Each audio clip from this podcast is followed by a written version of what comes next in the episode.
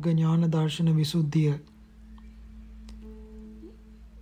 දිට්ඨි විසුද්ධි කාංකා විතරණ විසුද්ධීන් සම්පාදනය කරගත් පසු ක්‍රමය නොවරදවා ඉදිරියට විදර්ශනා කරගෙන ගියහොත් විදර්ශනා ඥානය මෝරණ කල්හි යෝගාවචරයා හට පෙර කිසි කලෙක නොදුටු පුදුම ආලෝකයක් සමහර විට දක්නට ලැබේ.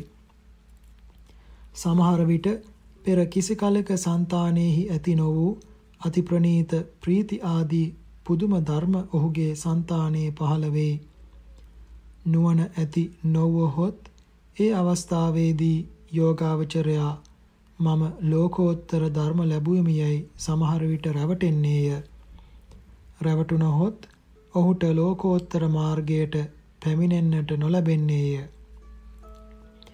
එසේ නොරැවටීම සඳහා ඇති කළ ගත යුතු මාර්ගය මෙය අමාර්ගය මෙය යයි දත හැක්කා වූ ඥානය මග්ගා මග්ග ඥාන දර්ශන විසුද්ධිය නම් වේ.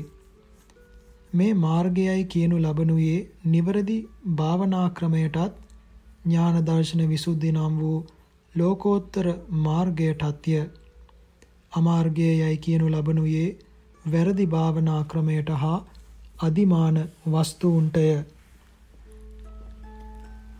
මාර්ගයට ඵලයට නොපැමිණ පැමිණීම යන වැරදි හැඟීමට හේතු වන ආලෝක ආදීහු අදිමාන වස්තුහුය.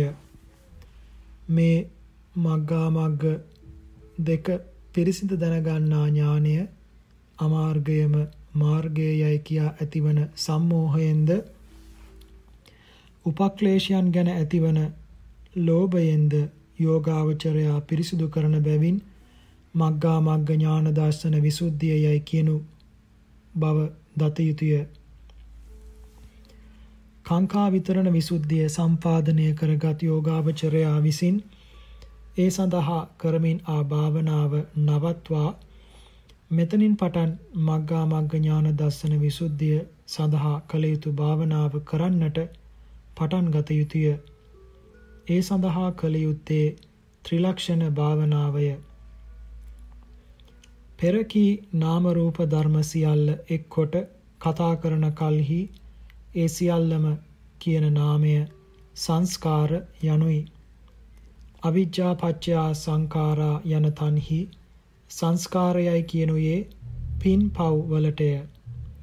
පින් පව් වලට කියන සංස්කාර යන නාමයත් නාම රූපයන් සියල්ලටම කියන සංස්කාර යන නාමයත් අවුල් නොකරගෙන අර්ථ දෙකක් දෙන වචන දෙකක් හැටියට තේරුම් ගත යුතුය.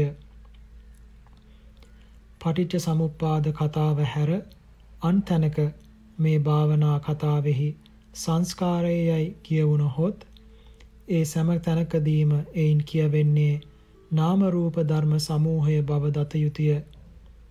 නාම රූප ධර්ම සමූහය කියවෙන සංස්කාර යන වචනයේ තේරුම හේතුවෙන් හටගන්නා දෙය යනුයි. පටිච්ච සමුප්පාද කතාවට අයත් සංස්කාර යන්නේහි තේරුම විපාකය ඇති කරන දෙය යනුයි. පඨවි ආපෝ තේජෝ වායෝ චිත්ත පස්ස වේදනා ආදී වශයෙන් සංස්කාරයන්ට අයත් ධර්ම බොහෝ ගණනකි. ඒ සියල්ලටම ඒවා හැඳින ගැනීමට උපකාර වන ලක්ෂණ හෙවත් ලකුණුද වෙන්වෙන් වශයෙන් ඇත්තේය. වෙනසක් නැතිව ඒ සියල්ලටම සාධාරණ වූ ලක්ෂණ තුනක්ද ඇත්තේය. ත්‍රිලක්ෂණ යයි කියනුයේ සර්ව සංස්කාරයන්ටම අයත් වූ ඒ ලක්ෂණ තුනටය. එනම් අනිත්‍ය ලක්ෂණය, දුක්ඛ ලක්ෂණය, අනාත්ම ලක්ෂණය යන මේ තුනය අනිත්‍ය ලක්ෂණය ඇති බැවින් සංස්කාරයෝ අනිත්‍ය නම් වෙති. දුක්ඛ ලක්ෂණය ඇති බැවින් දුක්ඛ නම් වෙති. අනාත්ම ලක්ෂණය ඇති බැවින් අනාත්ම නම් වෙති. අනිත්‍ය ලක්ෂණය අනිත්‍ය දුක්ඛ ලක්ෂණය දුක්ඛය අනාත්ම ලක්ෂණය අනාත්මය යන මේ කරුණු 6 වෙන් වශයෙන් තේරුම් ගත යුතුය. ලක්ෂණ හා ලක්ෂණ ඇති ධර්මය එකක් කොටගෙන අවුල් නොකර ගත යුතුය. අනිත්‍ය දුක්ඛ අනාත්ම යන මේ වචන නිතර අසාපුරුදු බැවින් අනිත්‍ය ආදී ලක්ෂණත්‍රය නොගැඹුරු දෙයක්සේ වැටහිය හැකිය. එය නොගැඹුරු දෙයක් නොව ගැඹුරු දෙයකි. ජීවත් වන සත්වයන් කවරදා නමුත් මරණ බවත් අන්‍ය වස්තුන්ද කවරදා හෝ විනාශ වන බවත් හැමදෙනාම දනිති. කාහටත් ඇති ඒ අනිත්‍යතා දර්ශනය විදර්ශනා භාවනාවට ප්‍රමාණ වන අනිත්‍යතා දර්ශනයක් නොවේ. ඒ දැනුම මාර්ගයට ඵලයට පැමිණීමට ප්‍රමාණවත් වන දැනුමක් නොවේ.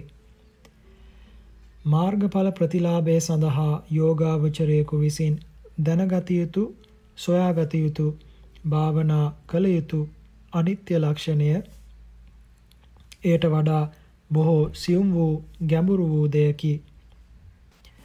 සාගින්න පිපාසය හිස රදය කන් කැක්කුම බඩේ කැක්කුම යනාදිය දුක් බව හැමදෙනම දනිති. දුක පිළිබඳ වූ ඒ දැනීම විදර්ශනාවට ප්‍රමාණවත් වන්නේ නොවේ. විදර්ශනා කරන යෝගාවචරයා විසින් සොයාගත යුතු සංස්කාරයන්ගේ දුක්ඛ తත්වය එයට වඩා සියුම් වූද ගැඹුරු වූද දෙයකි.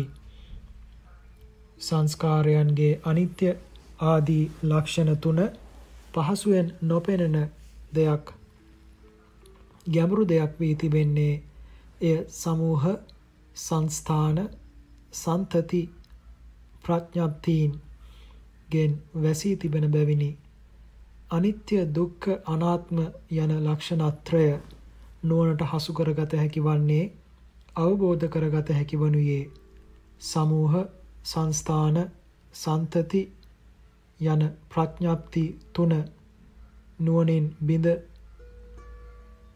පියා ශුද්ධ පරමාර්ථයේ සොයාගත් කල්හිය. එය නොසොයාගෙන ප්‍රඥප්ති විසෙහි සෙවීමට ගියාට අනිච්ච ආදී ලක්ෂණත්‍රය නොදකිය හැකිය ප්‍රඥප්ති තුන පඨවි ආපෝ තේජෝ වායෝ යන ධාතු හතර එක් වූ කලෙහි ඊතා කුඩා දෙයක් සෑදේ. එයට රූප කලාපයයි කියනු ලැබේ. එය ඇසට පෙනෙන්නේ නොවේ. ඒ රූප කලාපය ලෝකයා විසින් ඊතා කුඩා දෙය හැටියට සලකන පරමාණුවටද වඩා ඊතා කුඩාය. එක් පරමාණුවක රූප කලාප බොහෝ ගණනක් ඇත. ඊතා කුඩා බැවින් ඇසට නොපෙනෙන ඒ රූප කලාප සමූහයක් එක් වූ කලෙහි මහත් වූ එක් දෙයක් සේ ඇසට පෙනෙන්නේය. පස්ය දියය ගල් යකඩ තඹරන් රිදී ගස් ලී කොළ පොතු ගෙඩි ලේ මස් ඇට නහර නිය යනාදිය නම් වලින් කියනුයේ රූප කලාප සමූහයන්ගේ ඒ පෙනෙන ආකාරවලටය. මහත් මහත් දේ හැටියට පෙනෙන සැලකෙන පස්තිය ගල් ආදියෙහි ඇත්ත වශයෙන් ඇත්තේ රූප කලාප පමණකි. පස් ගල් ආදිය නම් රූප කලාප සමූහය නිසා පෙනෙන ආකාරයක් පමණකි. ඒ පෙනෙන ආකාර පරමාර්ථ සත්‍ය වශයෙන් ඇති දේ නොවන බැවින් ඒවාට සමූහ ප්‍රඥප්තියයි කියනු ලැබේ. ලෝකෙහි ඇති කිනම් දෙයක් ගැන බැලුවත් කවර දෙයක් දෙස බැලුවත් රූප කලාප නොපෙනේ. සමූහ ප්‍රඥාප්තියම මතු වී පෙනේ. සමූහ ප්‍රඥාප්තිය තියෙන් පරමාර්ථය වැසී තිබේ. එබැවින් පරමාර්ථය දැන ගැනීම අපහසුය. පරමාර්ථය වසාගෙන තිබෙන සමූහ ප්‍රඥාප්තිය නැමැති කඩතුරාව ඥානය නැමැති හස්තයෙන් ඉවත් කොට සමූහ ප්‍රඥාප්තිය නැමැති අඳුර ඥාන ආලෝකයෙන් දුරුකොට පරමාර්ථය සොයාගත යුතුය. රූප කලාප එක් වූ තන්හි හතරැස් බව, පැතලි බව, සිහින් බව, බර බව, උස මිටි ආදී බව යනාදී සටහන්ද පෙනෙයි. ඒ සටහන් පෙනෙන තැන්වලද රූප කලාප හැර සත්‍ය වශයෙන් අන් කිසිවක් නැත. සත්‍ය වශයෙන් නැතිව ඇතිසේ සිතට වැටහෙන ඒ සටහන සංස්ථාන ප්‍රඥප්තිය නම් වෙයි. දෙවියා මිනිහා ළමයා මහල්ලා ස්ත්‍රිය පුරුෂයා හිස අතපය කඳ ගවයා බල්ලා බලලා ගසවැල ගෙඩිය කොළ ගල යනාදී නම් වලින් කියවෙන සියල්ලම සංස්ථාන ප්‍රඥප්තියහුය රූප කලාප සමූහයක් හමු වූ කලෙහි රූප කලාප ගැන සිතන කලෙහි එය පුද්ගලයාට රූප කලාප සමූහයක් හැටියට නොපෙනී මිනිසෙකු හැටියට ගැහණියෙකු ගහක ගෙඩියක් පුටුවක් මේසයක් වස්ත්‍රයක් පිඟානක් කෝප්පයක් යනාදී දේවල් හැටියට පෙනෙන්නේ ඒ ඒ සමූහයට අයත් පරමාර්ථ රූප කලාප රාශිය සංස්ථාන ප්‍රඥාප්තියෙන් වසා සිටින බැවිනි. පරමාර්ථය දක්නට සංස්ථාන ප්‍රඥාප්තිය බිඳ බලනු.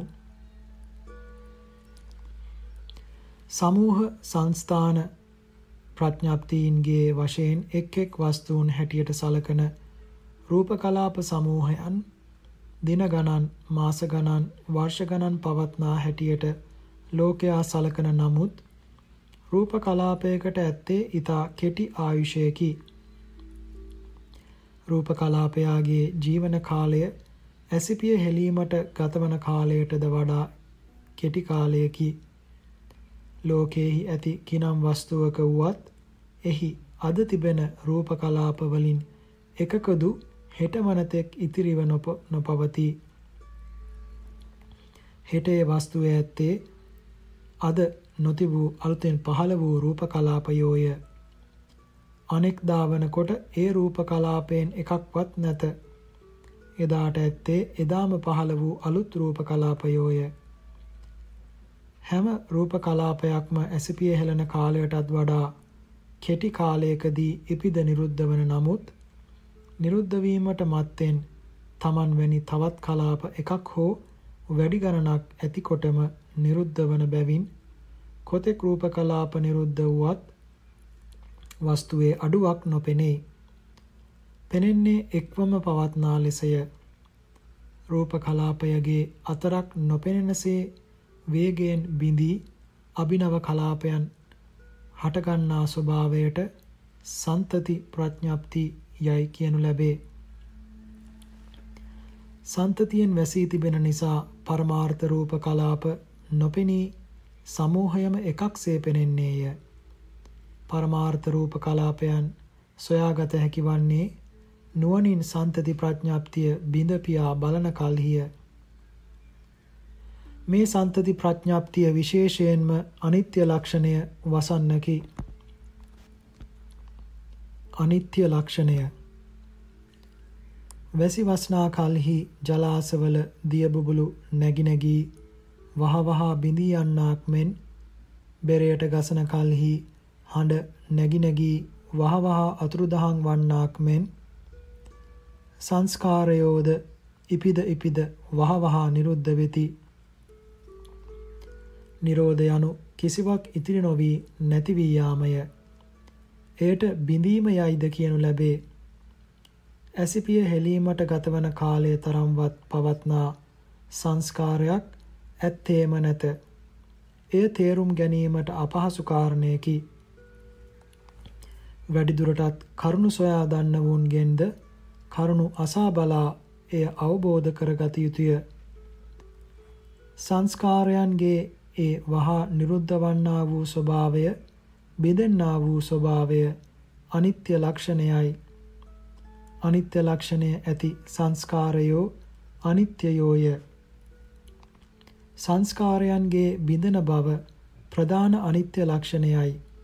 දිරණ බව කෘෂවන බව ඉදිමෙන බව මෝරණ බව වියලෙන සිදුරු වෙන පැලෙන කැපෙන කැඩෙන කැටිවන දියවන පිලුණුවන කුණුවන ඇඟ රැලි වැටෙන කුදු ගැසෙන අත්පා දරදඬුවන වක්වන කෙස්ලොම් පැසෙන බව යනාදී දේවල්ද අන්දවන බව බිහිරිවන බව හා තවත් නොයෙක් රෝග හටගන්නා බව සහ මැරෙන බව යන මේවා සංස්කාරයන්ගේ භංගය වූ ප්‍රධාන අනිත්‍ය ලක්ෂණය නිසා පෙනෙන අනිත්‍ය ලක්ෂණයෝය. සංස්කාරයන් අතුරෙන් චිත්ත චෛතසික සංඛ්‍යාත නාම ධර්මයන්ගේ ආයුෂ ඊටාම ලුහුඬුය. චිත්තයාගේ ආයුෂයේද උත්පාද ස්ථಿತಿ භංග වශයෙන් කොටස් තුනකට බෙදනු ලැබේ.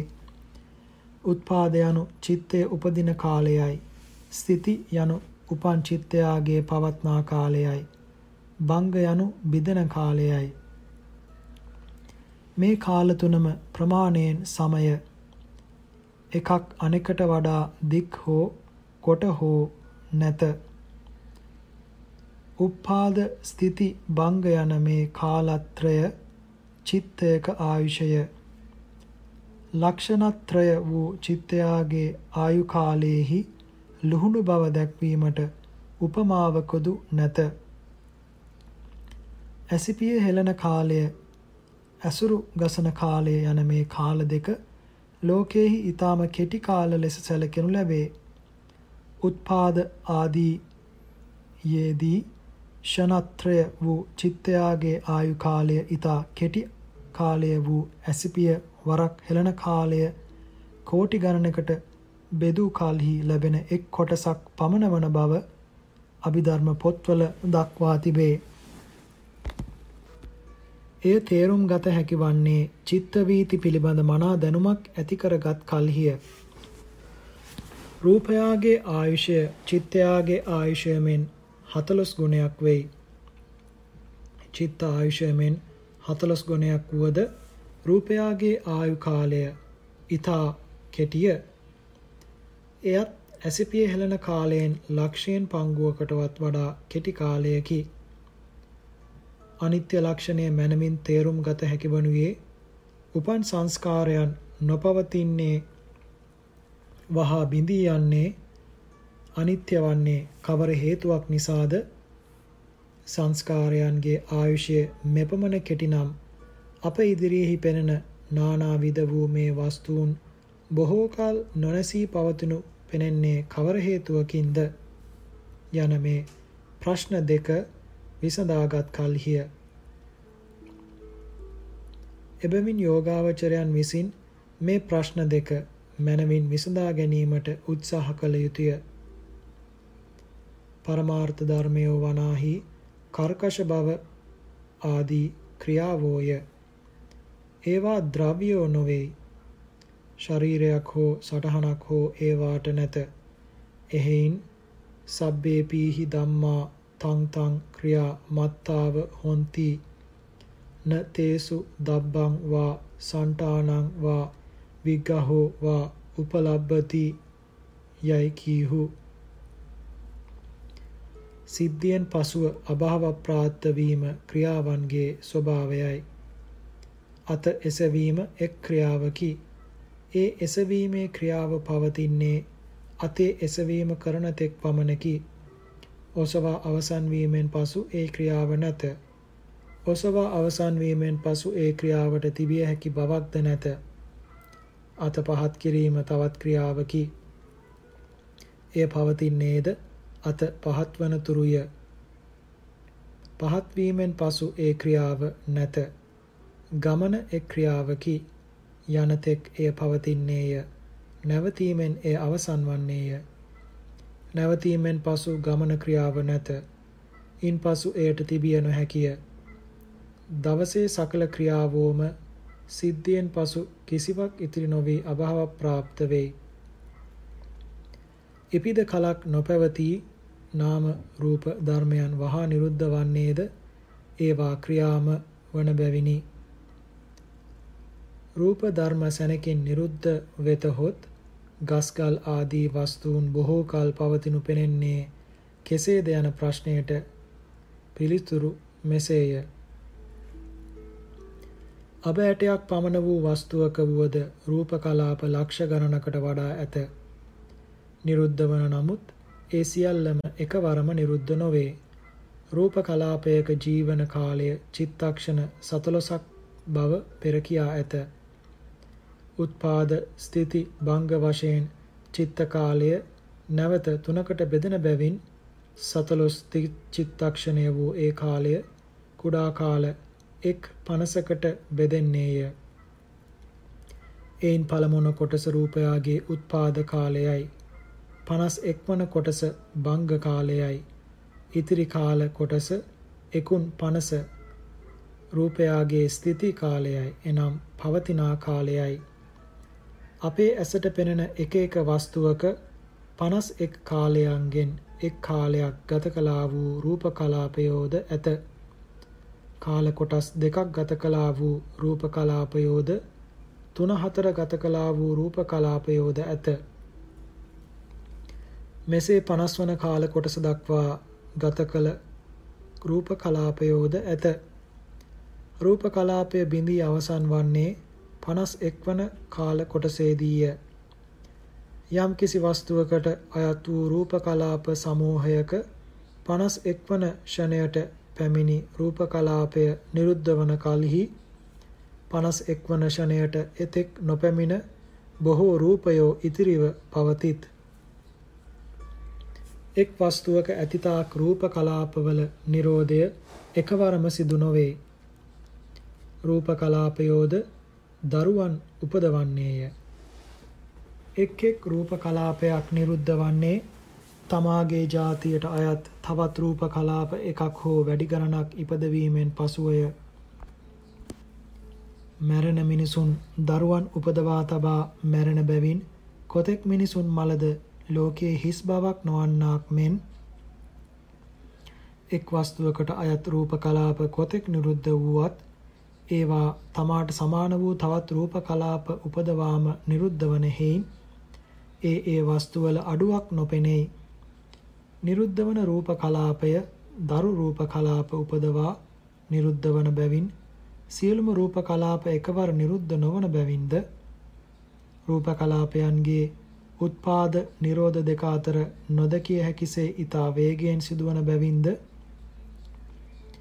ගස්ගල් ආදී වස්තු නොවෙනස් වන බොහෝ කල පවතිනාසේ අපට පෙනේ. සෑම වස්තුවකම ඇසිපිය හෙළන පමණ කාලයකුත් නැවතීමක් නැතිව සිදුවන රූපයන්ගේ ඉපදීම හා බිඳීම හා සන්තතියෙන් හෙවත් වේගයෙන් පවත්නා પરම්පරා සම්බන්ධයෙන් වැසී තිබේ. එය දක්නට සන්තති ප්‍රඥප්ති බිඳ බලනු. දරු රූප කලාප උපදවා රූපයෝ නිරුද්ධ වෙතියයි කීමුත් සෑම කල්හිම එය එසේ නොවේ. પરම්පරා ගණනක් ගත වීමෙන් දුබල වූ රූප කලාපයෝද දරු රූප කලාපයෝ ඉපදවීමට උවමනා ප්‍රත්‍යයන් නොලැබූ රූප කලාපයෝද විරුද්ධ ප්‍රත්‍යයන්ගේ ස්පර්ශයලත් රූප කලාපයෝද දරු රූප කලාප නූපදවාම නිරුද්ධ වෙති. අප ඉදිරියේ ඇති බොහෝ වස්තුන් කලකදී සර්ව ප්‍රකාරයෙන්ම අභාව ප්‍රාප්ත වනුයේ එහෙයිනි.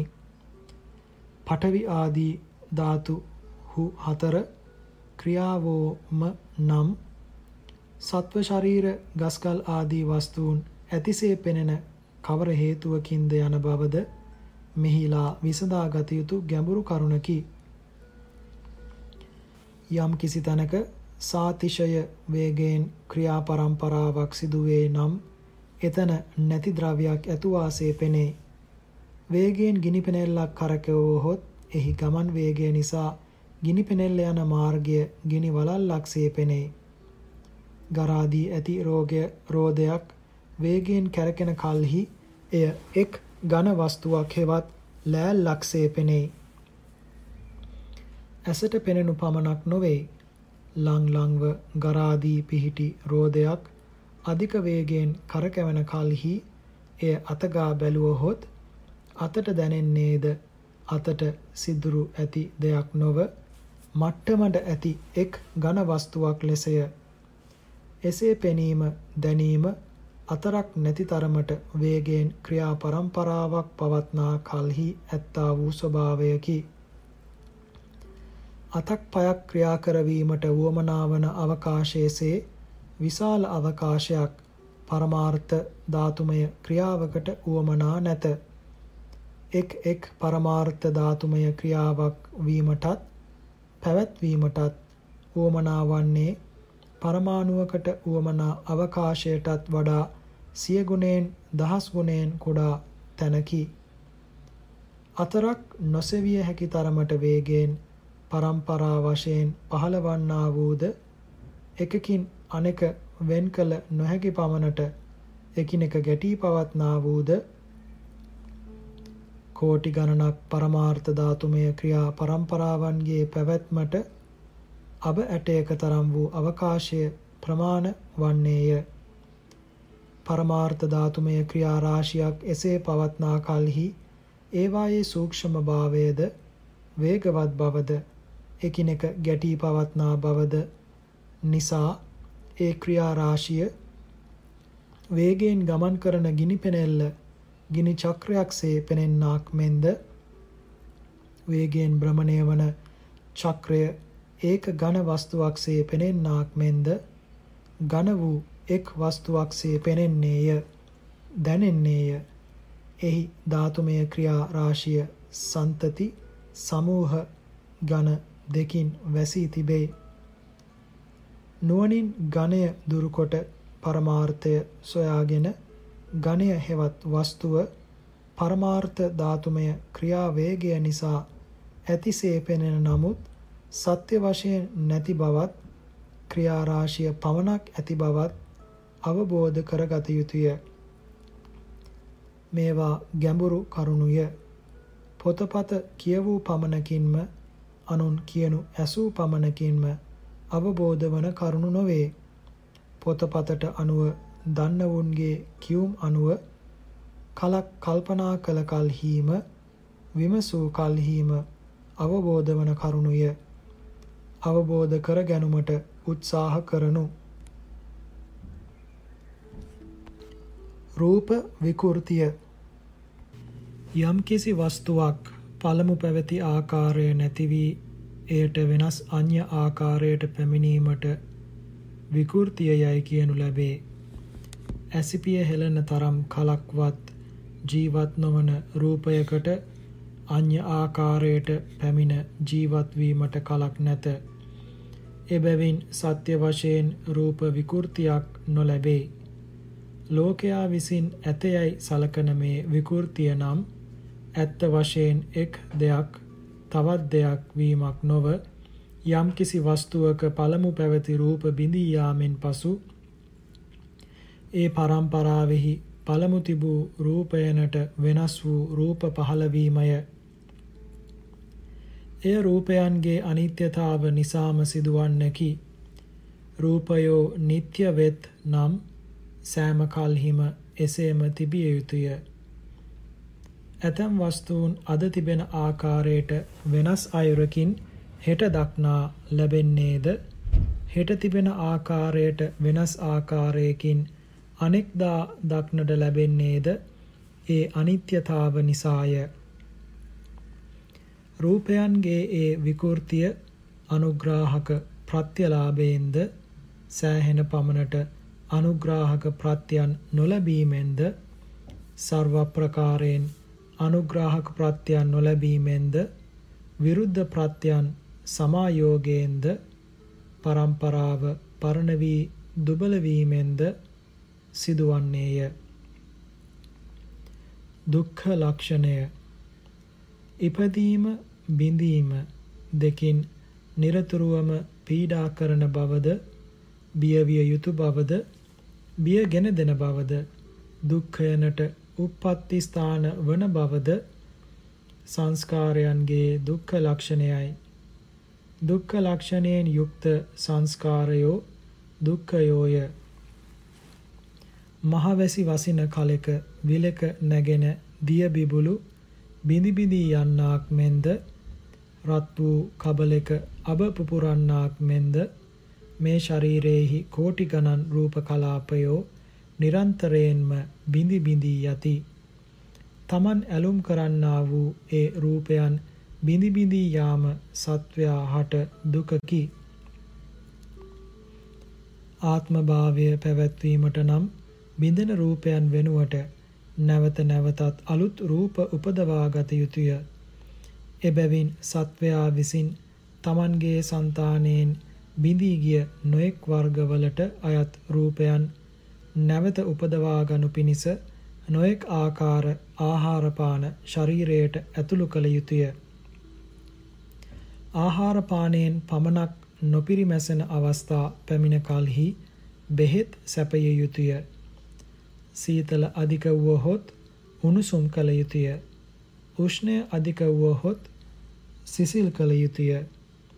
අභිනව රූපයන් උපදවා ශරීරය පවත්වනු පිණිස මෙබඳු දහසක් වැඩකොට වෙහෙසිය යුතුය. දුක් ගත යුතුය. එසේ නොකලහොත් රූපයෝද නූපදිති. ආත්ම භාවයද නොපවතී. රූපයන් උපදවා ගනු පිණිස විඳින්නට වන්නා වූ ඒ දහසක් දුක් උපන් රූපයෝ නিত্য වෙත් නම් විඳින්නට නොවන්නේය. ඉබේම රූපයෝ උපදින්නාහු හෝ වෙත්නම් විඳින්නට නොවන්නේය. ඒ දෙකම නොවන බැවින් රූපයට ඇලුම් කරන රූපය පිහිට කොටගෙන වෙසෙන තනත්තා විසින් සෑම කල්හිම ඒ දුක් විඳිය යුතුය. මෙසේ උපදවා ගනු පිණිස දුක් විඳින්නට සිදු කිරීම ඉපදීම් වශයෙන් රූපයෙන් සත්වයා හට කරන පීඩාය. බොහෝ දුක් දී පහළවන්නා වූ රූපය සැනකින් බිඳෙයි. එයද රූපය ආත්මය කොට සලකන සත්වයා හට මහත් දුකකි. ඒ දුක ඇති කිරීම රූපය විසින් බිඳීම වශයෙන් සත්වයා හට කරන පීඩාවයි. මෙසේ ඉපදීම් බිඳීම් දෙකින් රූප පෙළෙන බව රූපයාගේ දුක්ඛ ලක්ෂණයකි. රූප පමණක් නොව සකල සංස්කාරයෝම සංස්කාරයන් ආත්මය කොට ඇති සංස්කාරයනට ඇලුම් කරන සත්වයා නිරන්තරයෙන් පෙළෙන්නාහුය. විඥාන ධාතුන්ගේ දුක්ඛත්වය විඥාන ධාතුවෙන් තොර වූ ශරීරයක් තිබුණත් එයින් කිසි ආස්වාදයක් ලැබිය නොහැකිය. සත්වයාට ආස්වාදයක් ඇතිවීමට සතුටක් ඇතිවීමට විඥාන ධාතුව තිබිය යුතුයමය. ශරීරයක් ඕමනා වන්නේ විඥාන ධාතුවට වාජනයක් වශයෙනි. උපනූපන් විඥාන ධාතු සියල්ලම රූප ධාතුන්ටද වඩා වේගයෙන් බිනි බිඳී යන බැවින් විඥාන ධාතුවට ඇලුම් කරන්නන් විසින් විඥාන ධාතු නැවත නැවත උපදවා ගත යුතුය. සත්වයා කොතෙක් ඇලුම් කළත් හේතුන්ගේ සංයෝගයක් නොවහොත් විඥාන ධාතුහු නූපදීති. චක්කු විඥානය ඉපදීමට nirupadrita ඇසක් තිබිය යුතුය. රූප තිබිය යුතුය. සෝත විඥානයේදී ඉපදීමට එසේම තිබිය යුතුය. විඥානයන්ගේ උප්පත්තියට හේතු වන චක්කු ආදිය අනිත්‍ය බැවින් විඥානයන් උවමනා තැනැත්තා විසින් ඒ ඉන්ද්‍රයන් පවත්වා ගැනීමටත් ආහාර පාන වස්ත්‍ර බෙහෙත් ආදී දේ නැවතත් සැපයීමටත් බොහෝ වෙහෙසිය යුතුය. දැඩි දුක් ගත යුතුය. ඉන්ද්‍රිය තිබුණත් එපමණකින්ම ආස්වාදනීය විඥානයක් නූපදිනා බැවින් විඥාණයට අරමුණු වන දහසක් දැසෙවිය යුතුය. නො සොයා ඉබේම ලැබෙන ඉබේම තමා කරා එන අනිෂ්ට රූප නිසා ප්‍රීතියට හේතු වන චක්කු විඥානයෝ නූපදීති ප්‍රීතියට සුවයට හේතු වන චක්කු විඥානයක් උපදවා ගැනීමට සෝබන ඇඳුම් පැළඳුම් ගෙවල් ගෘහ භාණ්ඩ වෘක්ෂලතා රත වාහන අමුදරු ආදී බොහෝ දෑ ලබාගත යුතුය. ශෝත්‍ර විඥානය උපදවා ගැනීමටද එසේම බොහෝ දෑ ලැබිය යුතුය. විඥානයන් නැවත නැවත උපදවා ගැනීම පිණිස වස්තුව සැපයීම අමුදරු පෝෂණය නැවත නැවත කළ යුතුය. ඒවා සඳහා බොහෝ සෙයින් වෙහෙසිය යුතුය. දුක් ගත යුතුය. ඒ දුක් සියල්ලම විඳීමට හේතුව විඥාන ධාතුවමය. යම්තාක් සත්වයා විඥාන ධාතුවට ඇලුම් කෙරේද එතෙක් විඥාන ධාතුව සත්වයා හට නැවත නැවත මේ දුක් රැස ගෙන දීම් වශයෙන් සත්වයා පෙළන්නේය. මෙසේ නිරන්තරයෙන් පීඩා කරන බව විඥාන ධාතුවේ දුක්ඛ ලක්ෂණයකි. සුඛයේ දුක්ඛ ලක්ෂණය අඤ්‍ය සංස්කාරයන්ගේ දුක්ඛත්වය දුටුවත් සුඛියාගේ දුක්ඛත්වය සමහර විට යෝගාවචරයන්ට නොපෙනී යා හැකිය. ඒ සුඛය wen wen වශයෙන්ගෙන එහි తත්වය විශේෂයෙන් බැලිය යුතුය. සුඛ වේදනාවන්ගේ පවත්නා අවස්ථාව නම් හොඳය. විඥාන ධාතුවේම අංගයක් වූ සුඛ වේදනාව විඥානය අනුව වහා බිඳී අතුරුදහන් වන්නකි. සුඛ වේදනාව වරක් ඉපදීම කුඩා දරුවෙකුට සීනි බෝලයක් පෙන්වා නොදී හැරීම වැනිය. නොලබෙන සීනි බෝලය දැකීමෙන් ළමයාට වන්නේ දුම්නසක් පමණි. එමෙන් නොපවත්නා සුඛයක් ඇතිවීමෙන් සත්වයාට වන්නේ එය නැති වී යාමෙන් දුම්නසක් ඇතිවීම පමණකි. ඇලුම් කරන දෙයක් නැතිවීම දුකකි. සත්වයන් අන් සියල්ලම වඩා ඇලුම් කරනුයේ සුඛයටය. භාර්යාවටත් දරුවන්ටත් මිල මුදල් ආදියටත් ඇලුම් කරන්නේ ඒ පුද්ගලයන් හා වස්තුන් නිසා සුඛය ලැබෙන බැවිනි. සුඛයට හේතු වන භාර්යා ආදීන්ගේ අභාවය දුක් වන්නාක් මෙන්ම උපදින උපදින සුඛ වේදනාවන්ගේ Nirodhayද සත්වයාට දුකක්මය. සත්ව సంతානෙහි උපන්නා වූ සෑම සුඛ වේදනාවක්ම නිරුද්ධ වීම වශයෙන් සත්වයා පෙළන්නේය. වේදනාවගේ ෂණික නිරෝධය සිතට හසු කර ගැනීම අපහසු බැවින් සන්තති නිරෝධයාගේ වශයෙන් වේදනා නිරෝධය බැලිය යුතුය. සන්තති යනු එක්වරකදී උපදිනා වේදනාවේ පරම්පරාවය දැකුම් කළු දෙයක් දෙස බලා සිටින තැනැත්තාට බලා සිටින තෙක් සුවයක් තිබෙයි. බැලීම නැවැත් වූ කල්හි ඒ සුවයද නැතිවේ. බලා සිටින තෙක් ඇති වූ සුඛ වේදනා පරම්පරාව එක් සන්තතියකි. නිරෝධයාගේ වශයෙන් බලන කල්හි එය පහසුවෙන් දැනේ. මිහිරි හඬක් අසාගෙන සිටින්නහුට ඒ හඬ ඇසෙන තෙක් සුවය පවතී. හඬ ඇසීම නැවැත්වීමෙන් ඒ සුවය කෙලවර වේ. සුගන්ධ වායුව නාසිකා කුහරය තුල පවත්නාතුරු ආග්‍රහණයෙන් ලැබෙන සුවය තිබෙයි. සුගන්ධ වායුව පහවීමෙන් ඒ සුවය කෙලවර වේ. රස බොජුන මුව තුල තිබෙනතුරු රස විඳීමේ සුවය පවතී. ආහාර ගිලීමෙන් එය කෙලවර වෙයි. ස්පර්ශයෙන් සනීපය ඇතිවන දෙයක් කයේ ස්පර්ශය වනතෙක් ඒ සුවය පවතී. ස්පර්ශයාගේ නැවතීමෙන් සුවයද කෙලවර වෙයි.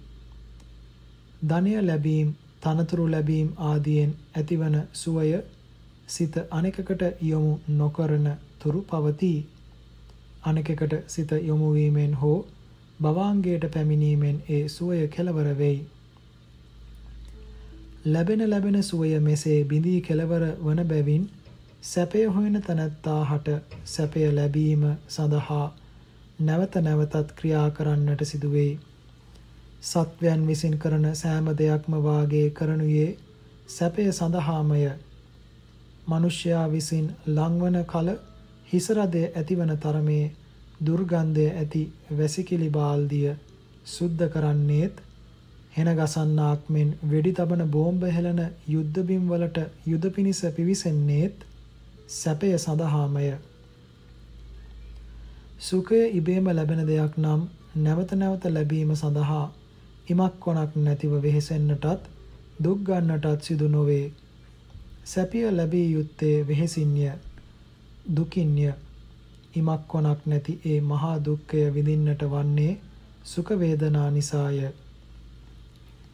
මෙසේ දුක් ගෙනදී සත්වයන් පෙළන සුඛය පමණ අන් කිසි වෙන සංස්කාරයක් නැති තරම්ය. සුඛය පවත්වා ගැනීමට නොනවත්වාම වෙහෙසිය යුතු බව සුඛ වේදනා විසින් කරන නිරන්තර පීඩනයයි. එය සුඛ වේදනාවේ දුක්ඛ ලක්ෂණයයි. දුක් ගෙන දෙන වස්තුවටත් දුක් ගෙන දෙන පුද්ගලයාටත් බිය විය යුතුය. සංස්කාරයෝ වනාහි ඒවා මම කියාගෙන ඒවාට ඇලුම් කරන්නහුටද මාගේ ඇස මාගේ කන මාගේ අතපය යනාදී ඒවා තමාගේ අවයව වශයෙන් සලකා ඇලුම් කරන්නා වූ තැනැත්තා හටද? මාගේ පුතා දුව ගෙය ඇඳුම් යනාදීන් තමාගේ තමාට අයත් දේ හැටියටගෙන ඒවාට ඇලුම් කරන්නා වූ තැනැත්තා හටද? ලක්ෂ ගණන් කෝටි ගණන් සංස්කාර දුක්ඛයන් ගෙන දෙන්නාහුය. එබැවින් සංස්කාරයෝ බියවිය යුත්තේය. සතුරන් හැටියට සැලකිය යුත්තේය. මේ බියවිය යුතු බව සංස්කාරයන්ගේ දුක්ඛ ලක්ෂණයයි. සංස්කාරයෝ නিত্য වෙත්නම් පරමාණු බෝම්බේ නිසාවත් බියවිය යුත්තක් නැත. සංස්කාර බිඳෙන සුළු පෙරලෙන සුළු දේ බැවින් සංස්කාර සමූහයක් වූ මේ කය මැස්සෙකුට මදුරුවෙකුට වුවද පෙළිය හැකිය. විකාරයට පැමිණ විය හැකිය. වැලි කැටයකටද පෙළිය හැකිය. මැස්සෙකු ඇසට වැටුණොත් කනට නාසයට ඇතුළු වුවහොත් වැලි කැටයක් ඇසට වැටුණොත් වන පීඩාව බලනු. සංස්කාරයන් මෙසේ දුබල වන බැවින් ඒවායින්ම හැදුණු ඒවාම හරය කොට ඇති සත්වයා විසින් নিরතුරුවම කෝඳුරුවාට උකුණාට මකුණාට රොඩු කැබැල්ලට වැලි කැටයට පවා බිය විය යුතුය. වැස්සට පින්නට සුළඟට අව්වට දියට ගින්නට බිය විය යුතුය. සත්වයා අවට තිබෙන ඔහු විසින් බියවිය යුතු දේවල් ප්‍රමාණයක් නැත. කුඩා ඔරුවක නැගී මුහුදේ යාත්‍රා කරන්නහුට මුහුදු රළත් සුළඟත් බිය එළවන දේවල්ය. ඒවා මහා නැවක යාත්‍රා කරන්නාගේ සිත පිනවන දේවල්ය. ඒකම රළත් හුළඟත් කෙනෙකු බියගන්වන දෙයක්ද කෙනෙකු ප්‍රීතිමත් කරවන දෙයක්ද වූයේ රළේ සුළඟේ වෙනසකින් නොව ඒ ඒ පුද්ගලයා ඇසුරු කළ වස්තුූන්ගේ වෙනස්කමිනි. නැවේ වෙසෙන්නා ප්‍රීතිමත් කරවන රලහා සුළඟ ඔරුවේ යන්නා හට බියක් වනුයේ ඔරුවේ දුබල බව නිසාය. එබැවින් ඔරුවේ යන්නා හට ඇතිවන බියෙන් බිය ඔරුවෙන්ම ගෙන දෙය ගෙන දෙන බියක් බව කිය යුතුය. එමෙන්ම සංස්කාරයන්ගේ දුබල බව නිසා වන්නා වූ බිය සියල්ලම සංස්කාරයන් විසින්ම ගෙන දෙන බිය බව කිව යුතුය. ඒ নিরතුරුව බිය ගන්වන බව, බිය ගෙන දෙන බව සංස්කාරයන්ගේ දුක්ඛ ලක්ෂණයකි. ලෝකේහි යම් පමණ දුක් වේ නම් ඒ සියල්ලම ඇතිවන්නේ සංස්කාරයන් කෙරෙහිය. සංස්කාර නොමැති නම් දුක්වලට තැනක් නැත. දුක් ඇතිවන්නේ එයට නිසි තැන ඇති නිසාය. පොළොව ඇති කල්හි ගස්වැල් හටගන්නාක් මෙන්ද ජලය ඇති කල්හි මසුන් උපදින්නාක් මෙන්ද වනයේ ඇති කල්හි සතුන් බෝ වෙන්නාක් මෙන්ද සංස්කාර ඇති කල්හි සකල දුක්ඛයම ඇතිවේ. දුක්ඛයට ස්ථානවන බව සංස්කාරයන්ගේ දුක්ඛ ලක්ෂණයකි. নিরතුරුව පෙළීමය බියවිය යුතු බවය බියගෙන දෙන බවය දුක්වලට ස්ථානවන බවය යන දුක්ඛ ලක්ෂණ ඇති බැවින් සකල සංස්කාරයෝම දුක්ඛයෝය අනාත්ම ලක්ෂණය ආත්ම ස්වභාවයට විරුද්ධ ස්වභාවයක් වන බව සංස්කාරයන්ගේ අනාත්ම ලක්ෂණයයි. තෙමේ සත්ව సంతාණයට අයත් නාම රූප ධර්මයන් අතර පරම අභ්‍යන්තරික දෙය වී තමාගේ කැමැත්තේ හැටියටම පවත්වමින් ස්වසන්තානයට අයත් අන්‍ය ධර්මයන් ආත්ම වූ තමාගේ කැමැත්තේ හැටියට හසුරුවමින් අන්‍ය ධර්මයන්ට අධිපති බව කරන යම් කිසිවක් වේ නම් එයට ආත්මයයි කිව යුතුය. ලෝකයා විසින් ආත්මයයි සලකන්නේ එවැනි දෙයක්ය. හේතුන්ගේ සංප්‍රයෝගයකින් නොව තම තමාගේ අදහසේ හැටියට තමාගේ බලයෙන්ම තමාගේ කැමැත්තේ හැටියටම හැසිරෙමින් අන්‍ය සංස්කාරයන්ද තමාගේ කැමැත්ත හැටියට පැවතිය හැකි බව අන්‍ය සංස්කාරයන් ආණ්ඩු කරන බව ආත්ම ලක්ෂණයයි. හේතුන්ගේ සංයෝගයන් නැතිව ඉපදිය හැකි එක් සංස්කාරයකුදු නැත. ගිනිකූර ගිනි පෙට්ටියේ ඇතිල්ලීමෙන් ගින්න හටගන්නාක් මෙන් සෑම සංස්කාරයක්ම උපදිනුයේ හේතුන්ගේ සංයෝගයෙනි. උපදවා ගැනීමට කාට කොතෙක් උවමනා වුවත් හේතු සංයෝගයක් නැතිව නම් ඒවා නූපදින්නේමය. උපන් පසු මොහොතකුදු නොදිරා නොබිදී තිබිය හැකි ශක්තියක්ද කිසිම සංස්කාරයකට නැත. තමන්ට පැවතීමට ශක්තියකදු නැති සංස්කාරයනට අන්‍ය සංස්කාරයන් සුව වශයෙන් පවත්වන්නට ශක්තිය කොයින්ද නැත්තේමය. තමාගේ කැමැත්තෙන් ඉපදීමට හා නොදිරා නොබිදී පැවැත්වීමටද අන්‍ය සංස්කාරයන් සෝ වශයෙහි පැවැත්වීමටද නුපුඩුවන් බව සංස්කාරයාගේ ආත්ම ලක්ෂණයට විරුද්ධ ලක්ෂණය වූ අනාත්ම ලක්ෂණයයි. අනාත්ම ලක්ෂණය ඇති සංස්කාරයෝ අනාත්මයෝය. සංස්කාරයෝ ආත්ම නොවේ. සංස්කාරයන් උපදවන හසුරුවන සංස්කාරයන්ගේ අන්‍ය ආත්මයක් ඇතැයිද මුලා විය හැකිය. එබඳු දෙයක්ද නැත. මුලා නොවනු. ඝන හතර දෘෂ්ටි විසුද්ධිය සම්පාදනයෙන්ම යෝගාවචරයනට සංස්කාරයන් ආත්ම නොවන බව හා සංස්කාරයන්ගෙන් අන්‍ය ආත්මයක් නැති බවත් වැටහෙන නමුත් ඝන සංඥාවෙන් වැසී යා හැකි පෘතජ්ජනයාගේ අනාත්ම දර්ශනය ස්ථීර නැති බැවින් හා අපිරිසිදු බැවින්ද යෝගාවචරයන් විසින් නැවත නැවතත් අනාත්ම ලක්ෂණය විමසිය යුතුය. භාවනාවෙන් අනාත්ම දර්ශනය තහවුරු කළ යුතුය. සංස්කාරයන්ගේ අනාත්ම ලක්ෂණය ඝන සංඥාවෙන් වැසෙන්නේය. ඒ ඝන සංඥාව සංස්කාරයන් හැර අන්‍ය ආත්මයක් ඇතිසේ වැටහීමටද හේතු වන්නේය. එබැවින් පඨවි ආපෝ තේජෝ වායෝ චිත්ත පස්ස වේදනා ආදී ධර්මයන් වෙන්වෙන් කොට බලා නුවණින් ඝන සංඥාව දුරු කළ යුතුය. ධර්ම වෙන්කොට නොබැලීමෙන් ඝන සංඥාවද ඝන සංඥාවෙන් ආත්ම සංඥාවද ඇතිවෙයි. අනාත්ම දර්ශනය සුද්ධ වීමට නුවණින් ඝණය බිඳ පරමාර්ථ ධර්ම බැලිය යුතුය. අභිධර්මයේ දැනීම ඝණය බිඳ ගැනීමට ඝන සංඥාව දුරු කර ගැනීමට ඊතා උපකාරය. අභිධර්මයේ උගත් උගත් පමණට එය පහසු වන්නේය. එකිනෙක ගැටී පවත්නා වූ කුඩා වස්තු රසක් නිසා නিত্য වශයෙන් නැති සිතට ඇතිසේ හැඟෙන මහත් වූ දෙය ගණයයි.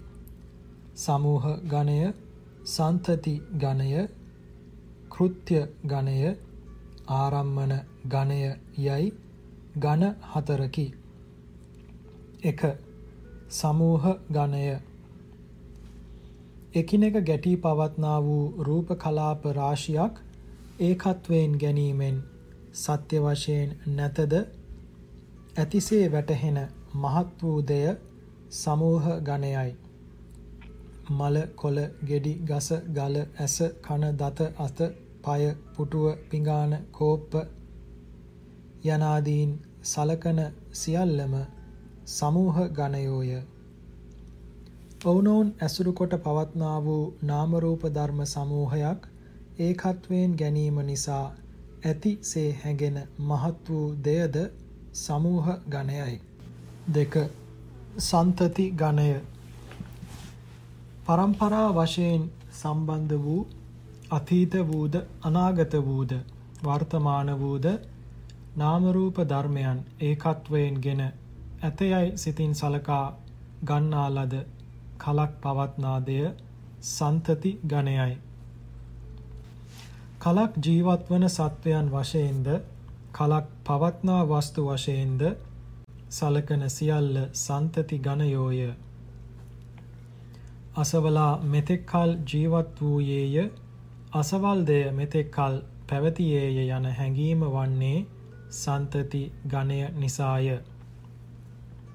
3 කෘත්‍ය ගණය wen wen වශයෙන් නාම රූප ධර්ම බොහෝ ගණනකින් සිදු කරන ක්‍රියා බොහෝ ගණනක් ඒකත්වයෙන් ගෙන සලකනු ලබන මහා ක්‍රියාව කෘත්‍ය ගණයයි ඉදිරියට යාම පස්සට ඒම වාඩිවීම නැගිටීම අත එසවීම පය එසවීම යනාදීන් සලකන සියල්ලම ක්‍රියා ගණයෝය අතක් එසවීම එක් ක්‍රියාවක්සේ සලකතත් එය චිත්ත චෛතසික සමූහයකගේද ඒ සිත්වලින් උපදවන වායු කලාප සමූහයකගේද අතයයි කියනු ලබන රූප කලාප සමූහයකගේද ක්‍රියාරාශියකි. හතර. ආරම්මන ගණය. සිත් බොහෝ ගණනක් විසින් වෙන වෙනම සිදු කරන වෙන්වෙන් වූ සිත්වලට අයත් අරමුණු ගැනීමේ සමූහයක් ඒකත්වයෙන් ගෙන එක දැනීමක් වශයෙන් ගන්නා ලද ආකාරය ආරම්මන ගණයයි. වෙන්වෙන්ව ඉපිද වෙන්වෙන්ව අරමුණු ගන්නා වූ චක්කු විඤ්ඥානය සම්ප්‍රත්්‍යේක්ෂණ සන්තීරණ ව්‍යවස්ථාපන ජවන තදාරම්මන සංඛ්‍යාත සිත් සමූහයක ආරම්මන ග්‍රහණයන් එක්කොට එක් දැකීමක් යයි ගන්නා ආකාරය යන ආදීහු ආරම්මන ගණයෝය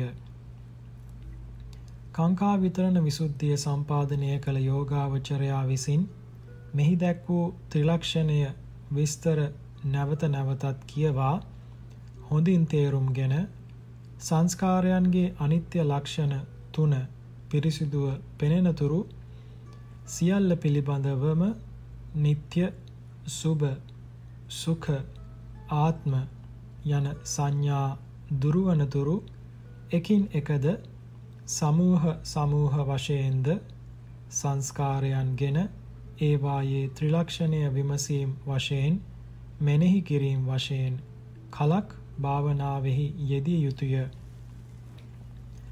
අනිත්‍ය ආදී වශයෙන් භාවනා කළ යුත්තේ සංස්කාරයන් අතීත අනාගත පච්චුප්පන්න අධ්‍යාත්මික බාහිර ඕදාරික සුකුම හීන ප්‍රනීත දුර ළඟ වශයෙන් කලාප 11කට බෙදාගෙනය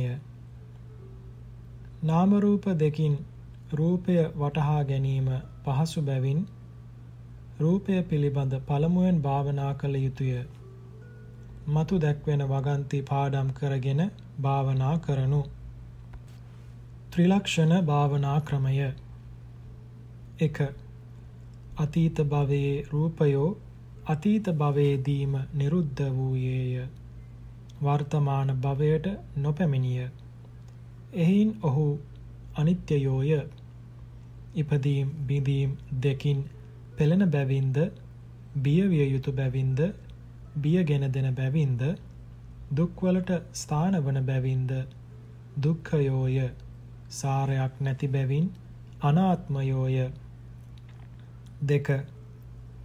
අනාගත භවයේ උපදනා රූපයෝ අනාගත භවයේදීම නිරුද්ධ වන්නාහ. ඉන් මතු භවයකට නොයන්නාහුය. එහෙයින් අනිත්‍යයෝය.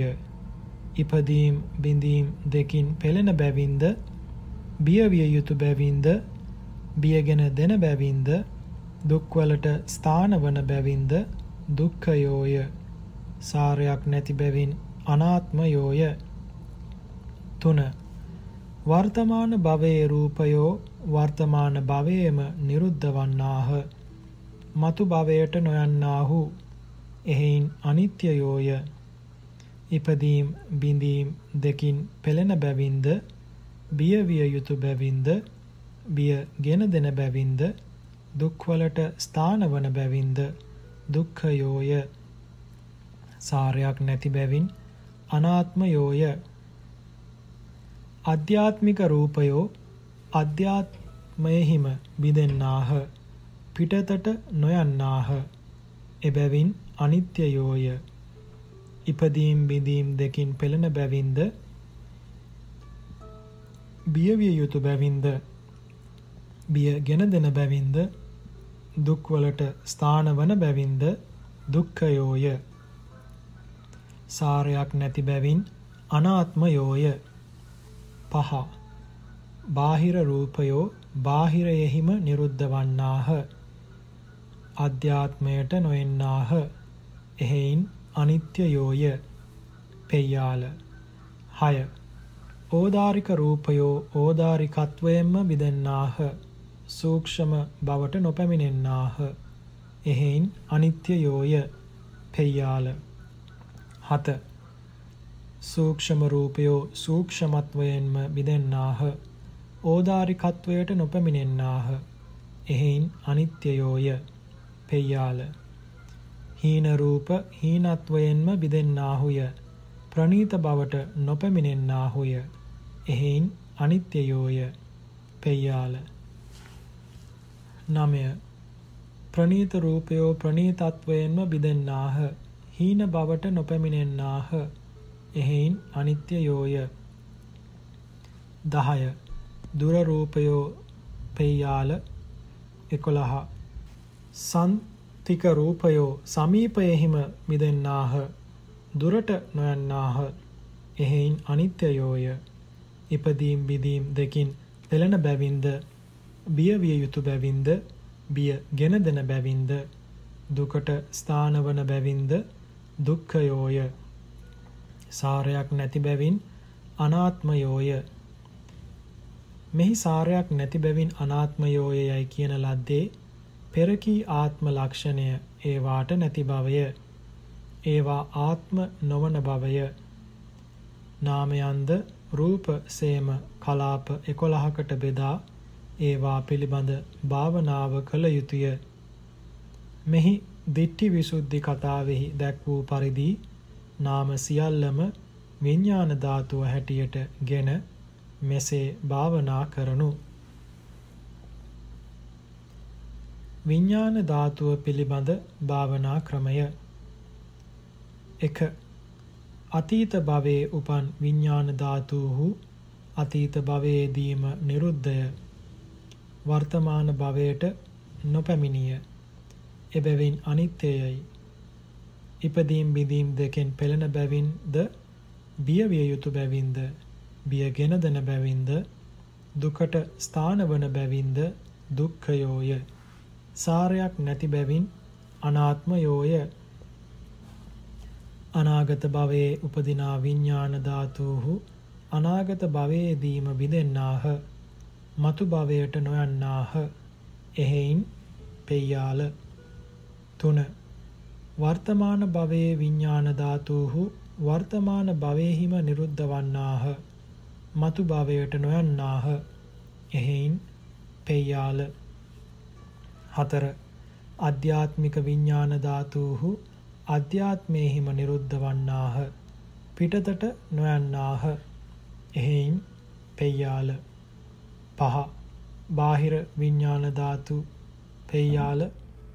6 ඕදාරික විඥාන ධාතු. පෙය්‍යාල. 7 සූක්ෂම විඥාන ධාතු. පෙය්‍යාල. 8 හීන විඥාන ධාතු. පෙය්‍යාල. නමය. ප්‍රනීත විඥාන ධාතු පෙය්‍යාල. 10 දුර විඥාන ධාතු පෙය්‍යාල. 11 සන්තික විඥාන ධාතුහු සමීපයෙහිම නිරුද්ධ වන්නාහ. දුරට නොයන්නාහ. එහෙයින් පෙය්‍යාල. විඥාන ධාතුව චක්කු විඥාන ධාතු ආදී වශයෙන් හයට බෙදාද කියන ලද පරිදි වාක්‍ය යොදාගෙන භාවනා කරනු. නැවත නාම රූප ධාතු දෙවර්ගයම එක්කොට අතීත ආදී වශයෙන් කලාප වශයෙන් අතීත භවයේ වූ සංස්කාරයෝ අතීත භවයේහිම නිරුද්ධහ වර්තමාන භවයට නොපැමිණියෝය. එබැවින් අනිත්‍යයෝය. යනාදී වශයෙන් භාවනා කරනු. ස්කන්ධ ධාතු ආයතන ක්‍රමයෙන් ක්‍රමයන් ගෙනෙන්ද භාවනා කළ හැකි නම් කරනු. පටිච්ච සමුප්පාද 12 පිළිබඳවද අවිද්‍යාව අනිත්‍ය දුක්ඛ අනාත්ම අවිද්‍යා ප්‍රත්‍යයෙන් හටගන්නා සංස්කාරයෝ අනිත්‍යයෝය දුක්ඛයෝය අනාත්මයෝය සංස්කාර ප්‍රත්‍යයෙන් හටගන්නා විඥාණය අනිත්‍යය දුක්ඛය අනාත්මය යනාදී වශයෙන් භාවනා කරනු. එක් එක් අංගයක් 11 ආකාරයකට බෙදා භාවනා කළ හැකි නම් එසේද කරනු. සම 40 ආකාර භාවනා ක්‍රමය. කියන ලද පරිදි භාවනා කිරීමෙන් ඇති කර ගන්නා ලද ත්‍රිලක්ෂණ දර්ශනය වඩාත් ස්ථීර වීම පිණිසත් පිරිසිදු වීම පිණිසත් අනිච්චතෝ දුක්ඛතෝ රෝගතෝ ගණ්ඩතෝ යනාදීන් මහා නිද්දේශේහි හා පටිසම්භිදා මග්ගයේහි දක්වන ලද සම 40 භාවනා පදයන්ගේ වශයෙන්ද ත්‍රිලක්ෂණ භාවනාව කලක් කළ යුතුය. සම 40 භාවනා පදයෝ මෙසේය.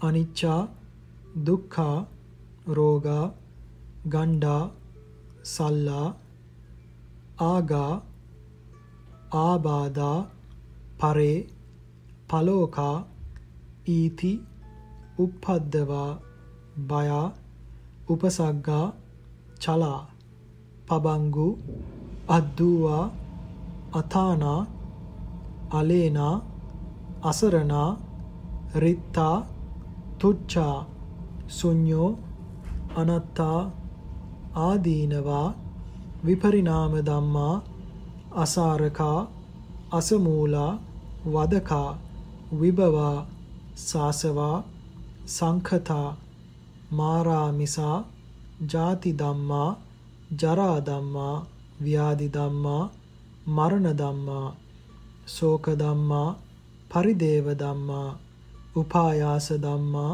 සංකිලේසික ධම්මා ග්‍රන්ථය දීර්ඝ වන බැවින් මේවා පිළිබඳ විස්තර නොකළ හැකිය. මතු දැක්වෙන වගන්ති පාඩම් කරගෙන භාවනා කළ යුතුය. මේවා පිළිබඳ විස්තර දැන ගැනීමට රේරුකාණේ මහනාහිමියන්ගේ චත්තාලිසාකාර මහා විපස්සනා භාවනා පොත කියවන්න. පහත සඳහන් වගන්ති කොටින් කියන මේ වගන්තිවල තේරුම් භාවනා කරමින්ම කල්පනා කරනු. එසේ කිරීමෙන්ද නොවටාගත හැකි තැන් ඇත්තොත් දන්නවුන්ගෙන් විමසීමෙන්ද යෝගාවචරයෝ විස්තර වශයෙන් තේරුම් ගනිත්වා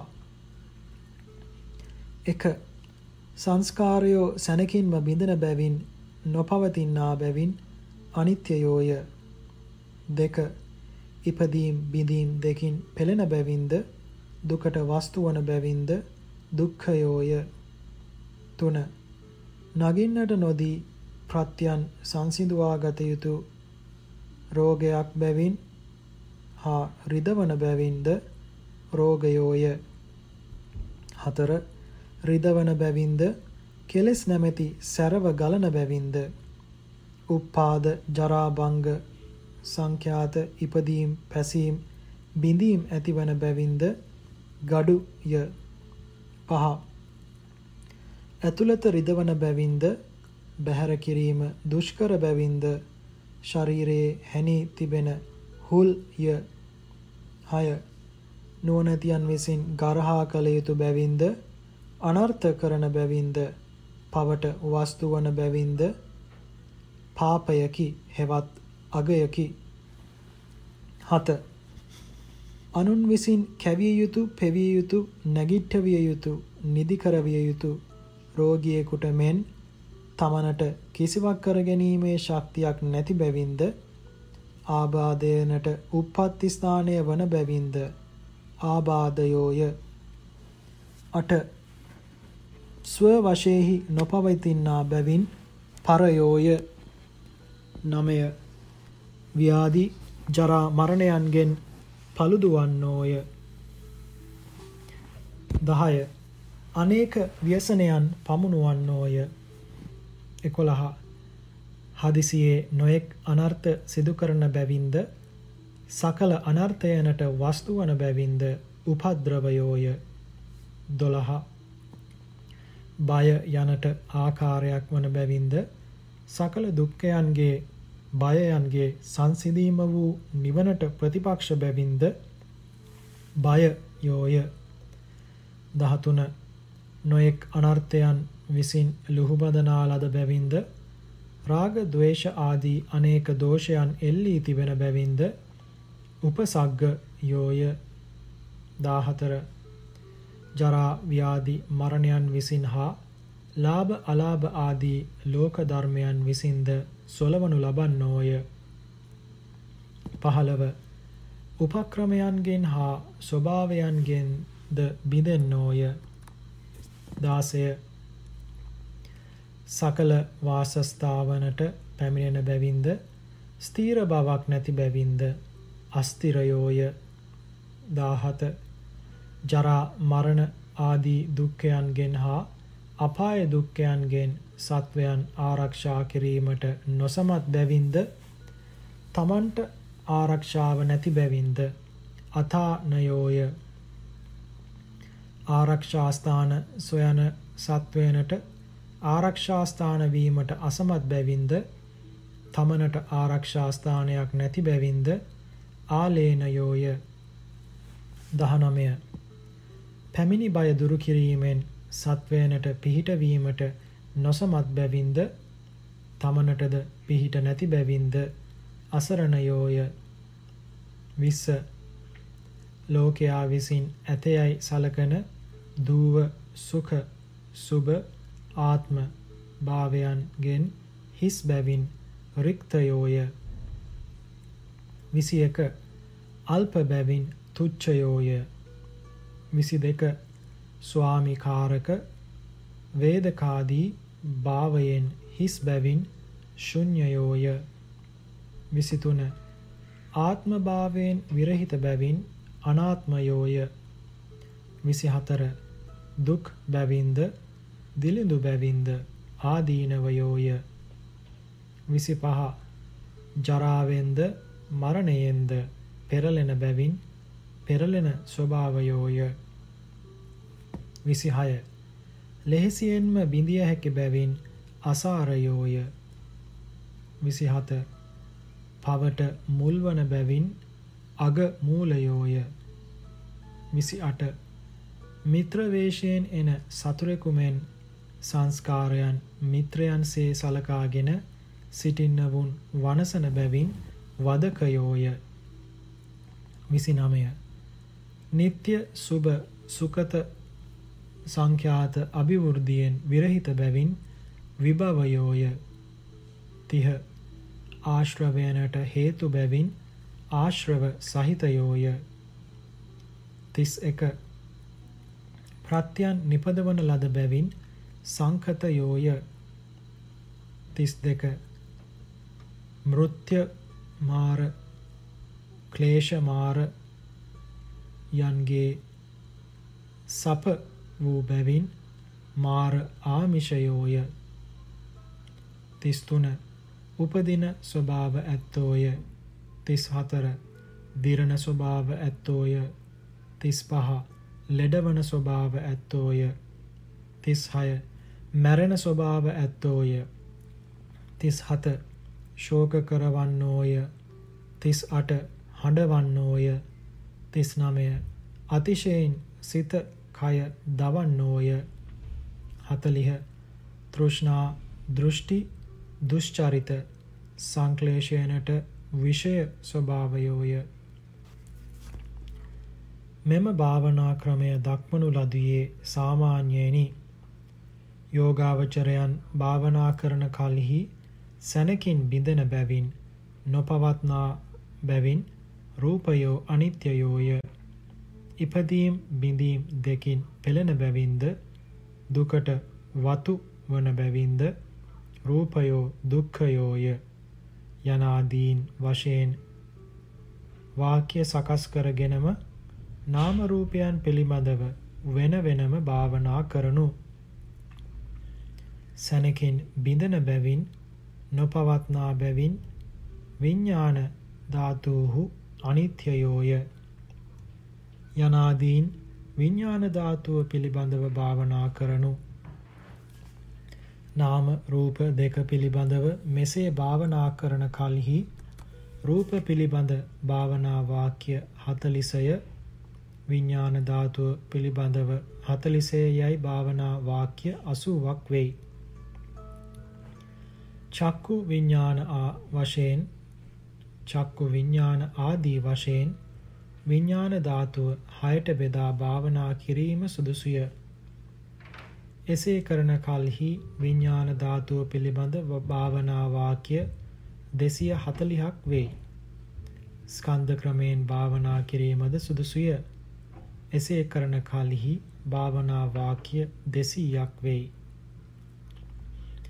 මේ අනුපස්සනා හතලිහෙන් අනිත්‍යයෝය පළුදුවන්නෝය සෙලවෙන්නෝය බිඳවන්නෝය අස්තිරයෝය පෙරලෙන ස්වභාවයෝය අසාරයෝය විභවයෝය සංකතයෝය මැරෙන ස්වභාවයෝය යන අනුපස්සනා දසය අනිච්චානුපස්සනාවෝය පාලිපාටයන්ගේ වශයෙන් කියතහොත් අනිච්චා පලෝකා චලා පබංගු අද්දූවා විපරිනාම දම්මා අසාරකා විභවා සංකතා මරණ දම්මා යන මේ අනුපස්සනාවෝ අනිච්චානුපස්සනාවෝය පරයෝ රිත්තයෝ තුච්චයෝ ශුන්්‍යයෝ අනාත්මයෝ යන අනුපස්සනා පහ අනත්තානු පස්සනාවෝය.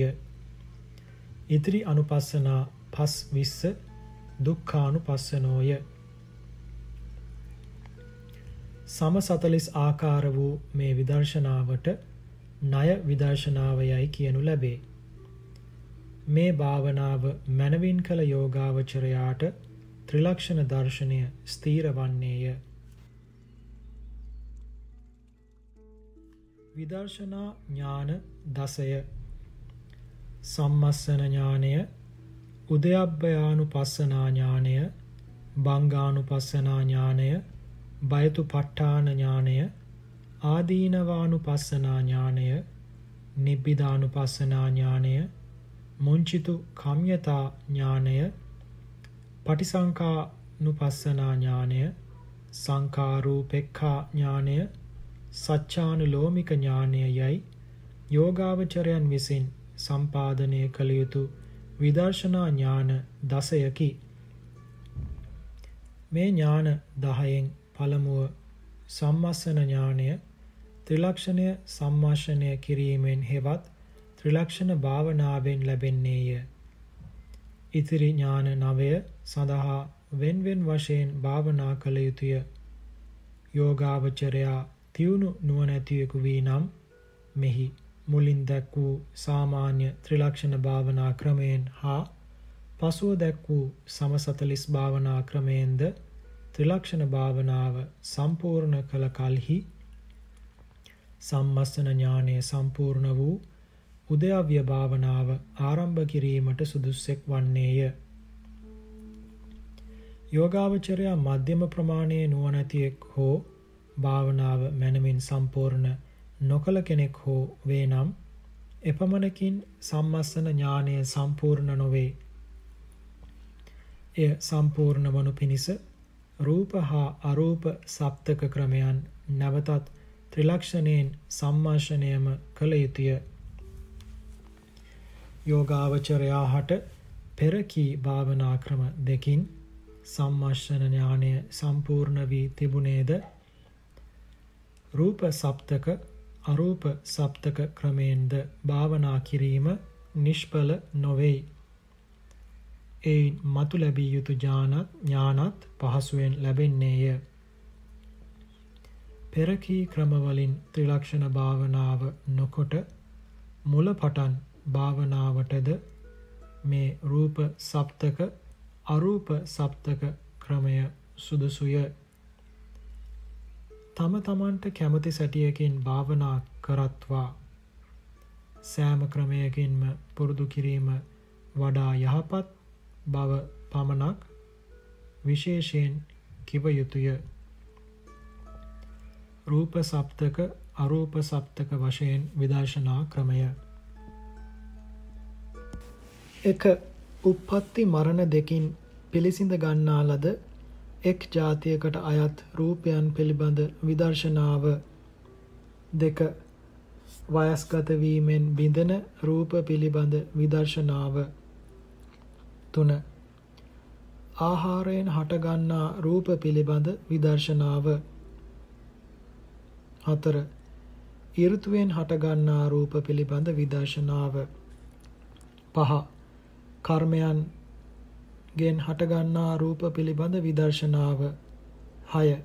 චිත්තයන්ගෙන් හටගන්නා රූප පිළිබඳ විදර්ශනාව. හත. ධර්මතා රූප පිළිබඳ විදර්ශනාව. යන මේ හත රූපය විදර්ශනා කළ යුතු ආකාර හතය. මේ සත් ආකාරයෙන් විදර්ශනා කරන කල්හි පළමු කොට ඉපදීමෙන් මරණයෙන් පිරිසිඳ එක් භවයක්ගෙන එය සියවසක් ජීවත් වන භවයක් හැටියට සලකා සියවසක් වූ ඒ කාලයේහි උපදනා රූපයන්ගේ අනිත්‍ය ආදී ලක්ෂණ තුන බැලිය යුතුය. ඉක්බිති ඒ වර්ෂසියයෙන් පළමුවන තෙ තිස් වස ප්‍රථම වයසද මැද සූ 30 වස මධ්‍යම වයසද අග තේ 30 වස පශ්චිම වයසයයිද සියවස් තුනකට බෙදා බැලිය යුතුය. සියවස් තුනකට බෙදා ඒ කොටසට අයත් රූපයන්ගේ අනිච්ච ආදී ලක්ෂණ බැලිය යුතුය. ඉක්බිති සියවස මන්ද දශකය ක්‍රීඩා දශකය වර්ණ දශකය බල දශකය ප්‍රඥා දශකය හානි දශකය ප්‍රාග්භාර දශකය ප්‍රවංක දශකය මෝමූහ දශකය සයන දශකය යයි කොටස් දහයකට බෙදා ඒ ඒ කොටසට අයත් රූපයන්ගේ ත්‍රිලක්ෂණය බැලිය යුතුය. මේ දශකයෙන් මේ දශකයන් අතුරෙන් මන්ද දශකයේදී මිනිසයා මද දැනුම ඇතියෙකු වී හැසිරෙයි. ක්‍රීඩා දශකයේදී බොහෝ සෙයින් ක්‍රීඩා කරයි. වර්ණ දශකයේදී ඔහුගේ ශරීරය පැහැපත් වෙයි. බල දශකයේදී ඔහුගේ ශක්තිය වැඩෙයි. ප්‍රඥා දශකයේදී ඔහුට නුවණ වැඩෙයි. හානි දශකයේදී ඔහුගේ ශරීරය පිරිහෙන්නට පටන් ගනී. ප්‍රාග්භාර දශකයේදී ශරීරය ඉදිරියට බර වෙයි. ප්‍රවංක දශකයේදී ශරීරයට බරවීම වැඩි වී ශරීරය වක ගැසේ. මෝමෝහ දශකයේදී අමතක වීම අධික වූයෙක් වෙයි. ශයන දශකයේදී වැඩි කලක් දුබලව දුබල බව නිසා වැතිර සිටී. ඉක්බිති ඒ වර්ෂ සියය පස පස බැගින් විසි කොටසකට බෙදා ඒ කොටස්ද? ඒ කොටසට අයත් රූපයන්ගේ ත්‍රිලක්ෂණ මෙනෙහි කළ යුතුය. නැවත වර්ෂ සියය සිව්වස බැගින් කොටස් පස් විස්සකටද? තුන්වස බැගින් කොටස් තෙ තිස්සකටද? දෙවස බැගින් කොටස් පණහකටද? එක් වස බැගින් කොටස් සියකටද බෙදා ඒ ඒ කොටසට වැටෙන රූපයන්ගේ ත්‍රිලක්ෂණ සම්මර්ෂණය කළ යුතුය. ඉක්බිති එක් වර්ෂයක් ගෙන වස්සානය හේමන්තය ගිම්හානය යන ඉර්තුූන්ගේ වශයෙන් තුනකට බෙදාද ඉක්බිති වර්ෂය වස්සානය සරදය හේමන්තය සිසිරය වසන්තය ග්‍රීෂ්මය යන හයක් වූ ඉර්තුූන්ගේ වශයෙන් හයකට බෙදාද ඉක්බිති මාස වශයෙන් දොළහකට බෙදාද ඒ ඒ කාල පරිච්චේතය චේදයනට අයත් රූපයන්ගේ ලක්ෂණත්‍රය මෙනෙහි කළ යුතුය. ඉක්බිති මාසය කාල පක්ෂ ශුක්ල පක්ෂ වසයෙන් දෙකකට බෙදා ඒ ඒ කාලයට අයත් රූපයන්ගේ තිලකුණු බැලිය යුතුය. ඉක්බිති එක් දිනයක් රාත්‍රිය දවාලේ යයි කොටස් දෙකකට බෙදාද? නැවත දවාලය පූර්වාහනය මධ්‍යාහනය සයනාහනය යයි කොටස් තුනකටද? රාත්‍රිය ප්‍රථම යාමය මධ්‍යම යාමය පශ්චිම යාමය යයි කොටස් තුනකටද බෙදා? ඒ ඒ කාල කොටසකට අයත් රූපයන්ගේ ත්‍රිලක්ෂණය බැලිය යුතුය. ඉක්බිති ඉදිරියට යාමය පස්සට යාමය ඉදිරිය බැලීමය වටපිට බැලීමය අතක් හෝ පයක් හැකිලවීමය දිගු කිරීමය යන මේවා සිදු කරන අවස්ථා හයට අයත් රූපයන්ගේ ත්‍රිලක්ෂණය සම්මර්ෂණය කළ යුතුය. අනතුරුව ගමනෙහිදී පය එසවීමය ඉදිරියට ගෙන යාමය පහළට හෙලීමය බිම තැබීමය දෙවන පය ඔසවනු සඳහා බිමට තද කිරීමේ යන අවස්ථා පහට අයත් රූපයන්ගේ ත්‍රිලක්ෂණය සම්මර්ෂණය කළ යුතුය. විසුද්ධි මාර්ගයේහි මෙය කොටස් හයක් කොට ඇතත් එහි දැක්වෙන වීති හරණය කලාතුරකින් කෙරෙන වැඩක් බැවින් අප විසින් නොගන්නා ලදී.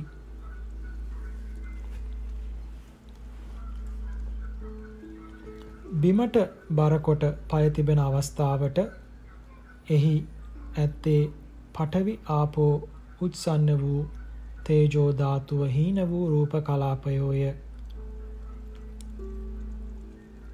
එසවීමේදී ඒවා නිරුද්ධ වී තේජෝ වායෝ ධාතු උත්සන්න වූ පඨවි ආපෝ ධාතු හීන වූ රූප කලාපයෝ පහළ වෙති. එසවූ පය ඉදිරියට ගෙන යනතුරු ඒවා නොපවතිත්.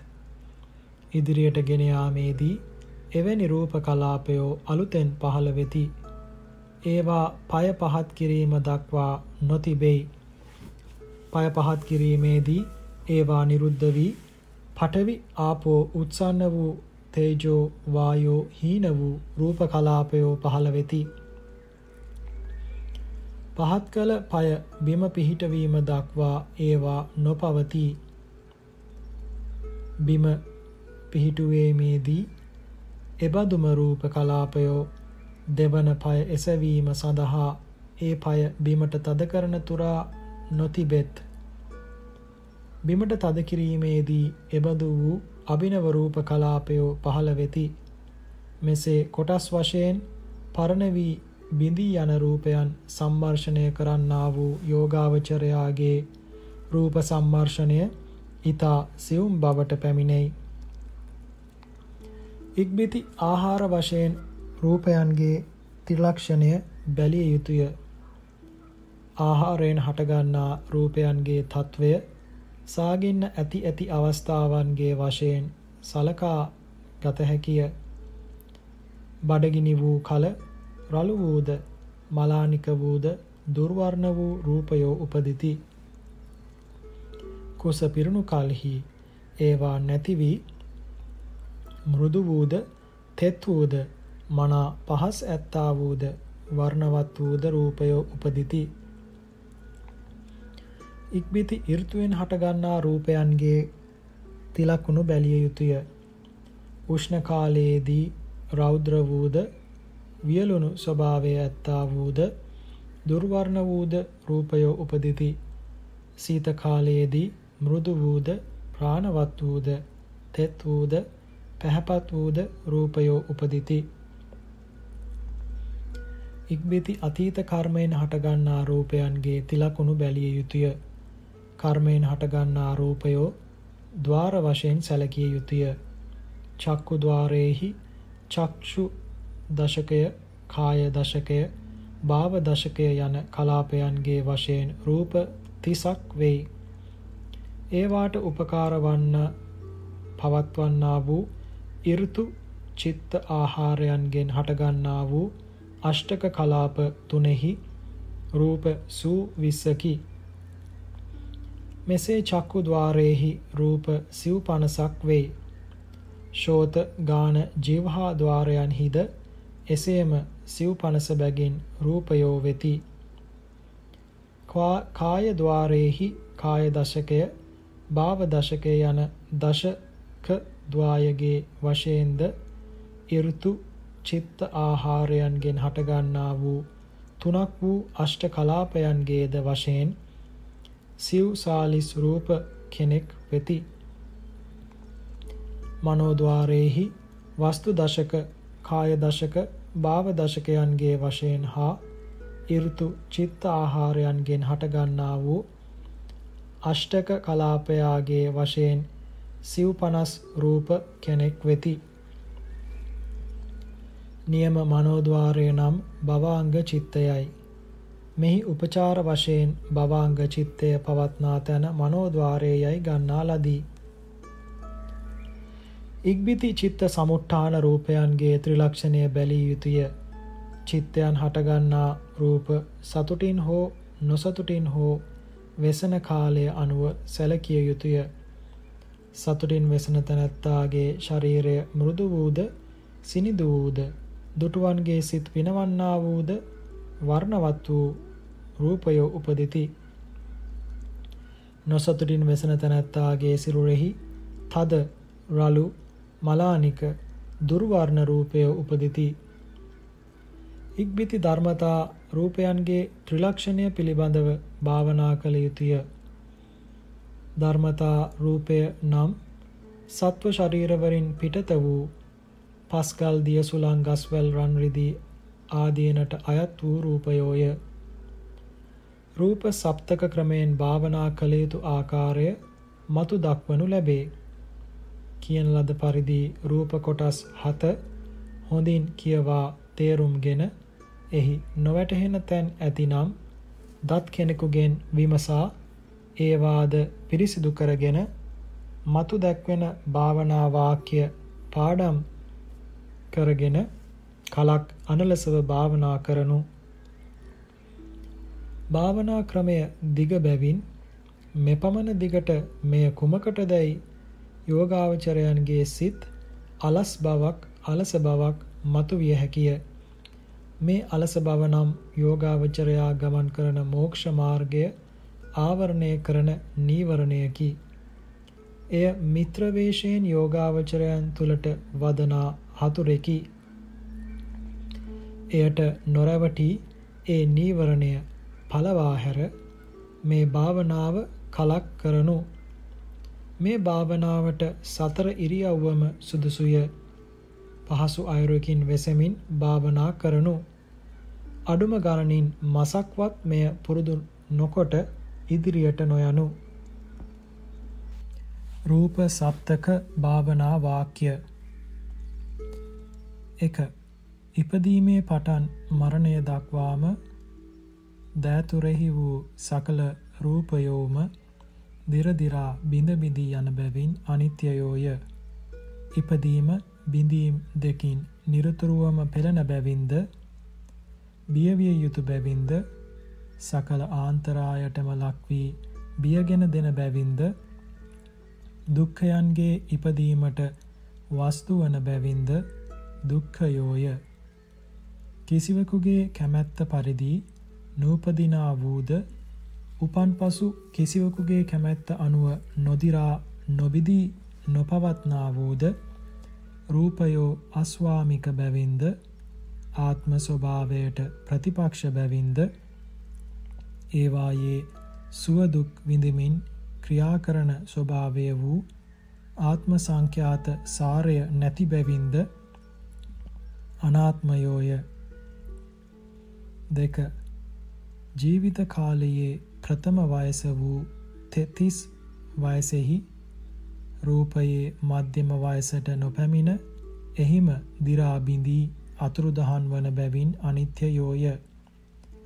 ඉපදීම් බිඳීම් දෙකින් নিরතුරුව පෙළෙන බැවින්ද බියවිය යුතු බැවින්ද අනේක ආකාරයට අන්තරායන්ට ලක්වී බියගෙන දෙන බැවින්ද දුක්ඛයන්ගේ ඉපදීමට ස්ථානවන බැවින්ද දුක්ඛයෝය.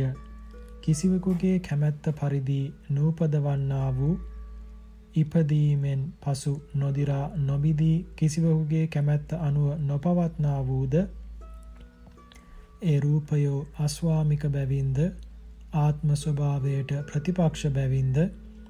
සුවදුක් විඳින ක්‍රියා කරන ස්වභාවය වූ ආත්ම සංඛ්‍යාත සාරය ඒවායේ නැති බැවින්ද? අනාත්මයෝය. මධ්‍යම වයසේ වූ සූතිස් වයසෙහි රූපයේ පශ්චිම වයසට නොපැමිණ එහිම දිරා බිඳී අතුරුදහන් වන්නාහ. පෙයාල පශ්චිම වයසේ වූ තෙතිස් වයසෙහි රූපයෝ මතු භවයට නොපැමිණ එහිම දිරා බිඳී අතුරුදහන් වන බැවින් අනිත්‍යයෝය. පෙයාල මන්ද දශකයේහි රූපයෝ ක්‍රීඩා දශකයට නොපැමිණ එහිම දිරා බිඳී අතුරුදහන් වන්නාහ. එබැවින් අනිත්‍යයෝය දුක්ඛයෝය අනාත්මයෝය ක්‍රීඩා දශකයේහි රූපයෝ වර්ණ දශකයට නොපැමිණ එහිම දිරා බිඳී අතුරුදහන් වන්නාහ. එබැවින් අනිත්‍යයෝය දුක්ඛයෝය අනාත්මයෝය පෙయ్యాල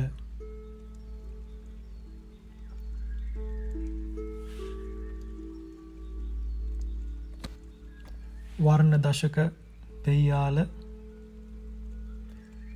බල දශක පෙයාල හානි දශක පෙයාල ප්‍රාග් භාර දශක පෙයාල ප්‍රවංක දශක පෙයාල ප්‍රවංක දශකයේ රූපයෝ මෝහමූහ දශකයට නොපැමිණ එහිම දිරා බිඳී අතුරුදහන් වන්නාහ. එබැවින් අනිත්‍යයෝය.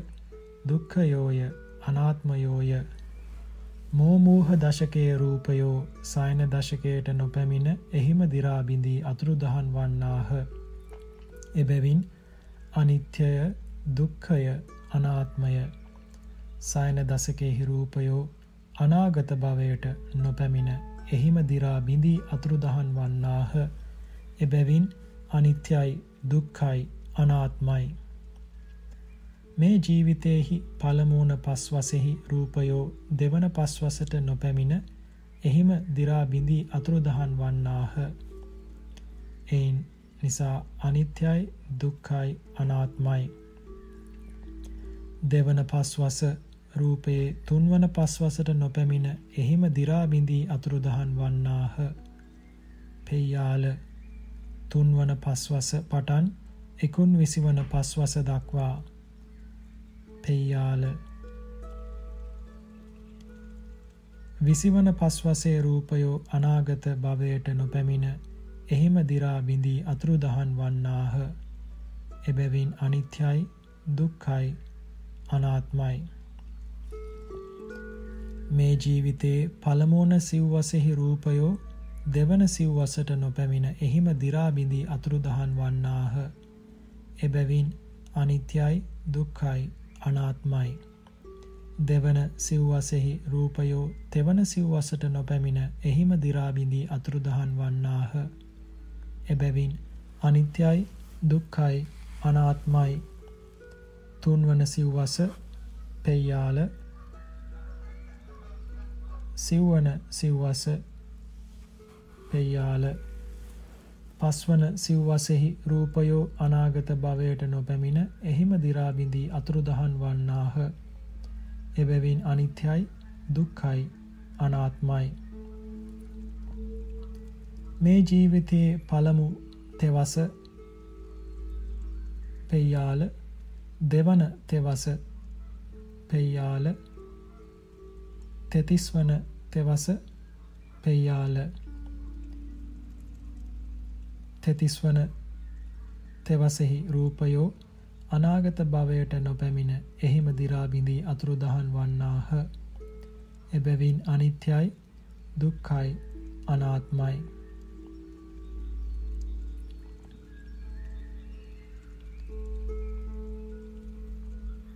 මේ ජීවිතයේ පළමුවන දෙවස රූපයෝ පෙයාල මේ ජීවිතයේ පළමුවන වසෙහි රූපයෝ පෙයියාල එක් වසක පළමුවන සිව් මසෙහි රූපයෝ පෙයාල එක් වසක පළමුවන දෙමසෙහි රූපයෝ පෙයාල එක් මසක ශුක්ල පක්ෂයේ රූපයෝ කාලපක්ෂයට නොපැමිණ දිරා බිඳී අතුරුදහන් වන්නාහ.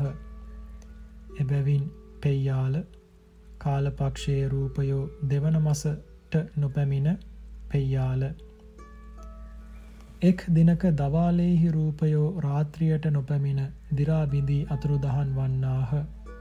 පෙයාල රාත්‍රියේ රූපයෝ පසුදිනට නොපැමිණ එහිම දිරාබිඳී අතුරුදහන් වන්නාහ.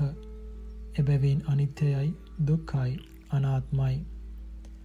එක් දිනක පූර්වාහනේහි රූපයෝ මධ්‍යාහනයට නොපැමිණ පෙයාල මධ්‍යාහනය රූපයෝ සන්ධ්‍යාවට නොපැමිණ පෙයාල සන්ධ්‍යාවේ රූපයෝ ප්‍රථමයාමයට නොපැමිණ පෙයාල ප්‍රථමයාමේ රූපයෝ මධ්‍යමයාමයට නොපැමිණ පෙයාල මධ්‍යමයාමේ රූපයෝ පශ්චිමයාමයට නොපැමිණ පෙයාල පශ්චිමයාමේ රූපයෝ පසුදිනට නොපැමිණ දිරාබිඳී. එහිම අතුරුදහන් වන්නාහ. එබැවින් අනිත්‍යයි දුක්කයි අනාත්මයි. ගමන් කරන කල්හි ඔසවන පයහි ඇති රූපයෝ පය ඉදිරියට ගෙන යනතෙක් නොපැවති දිරා බිඳී අතුරුදහන් වන්නාහ. එබැවින් අනිත්‍යයි දුක්කයි අනාත්මයි. ඉදිරියට ගෙන යන පයහි රූපයෝ පය පහත් කරනතුරු නොපැවති දිරාබිඳී අතුරුදහන් වයි. එබැවින් පෙයාල. පහත් කරන පයිහි රූපයෝ බිමට පැමිණි පායට නොපැමිණ එහිම දිරාබිඳී අතුරු දහන් වෙයි. එබැවින් පෙයාල.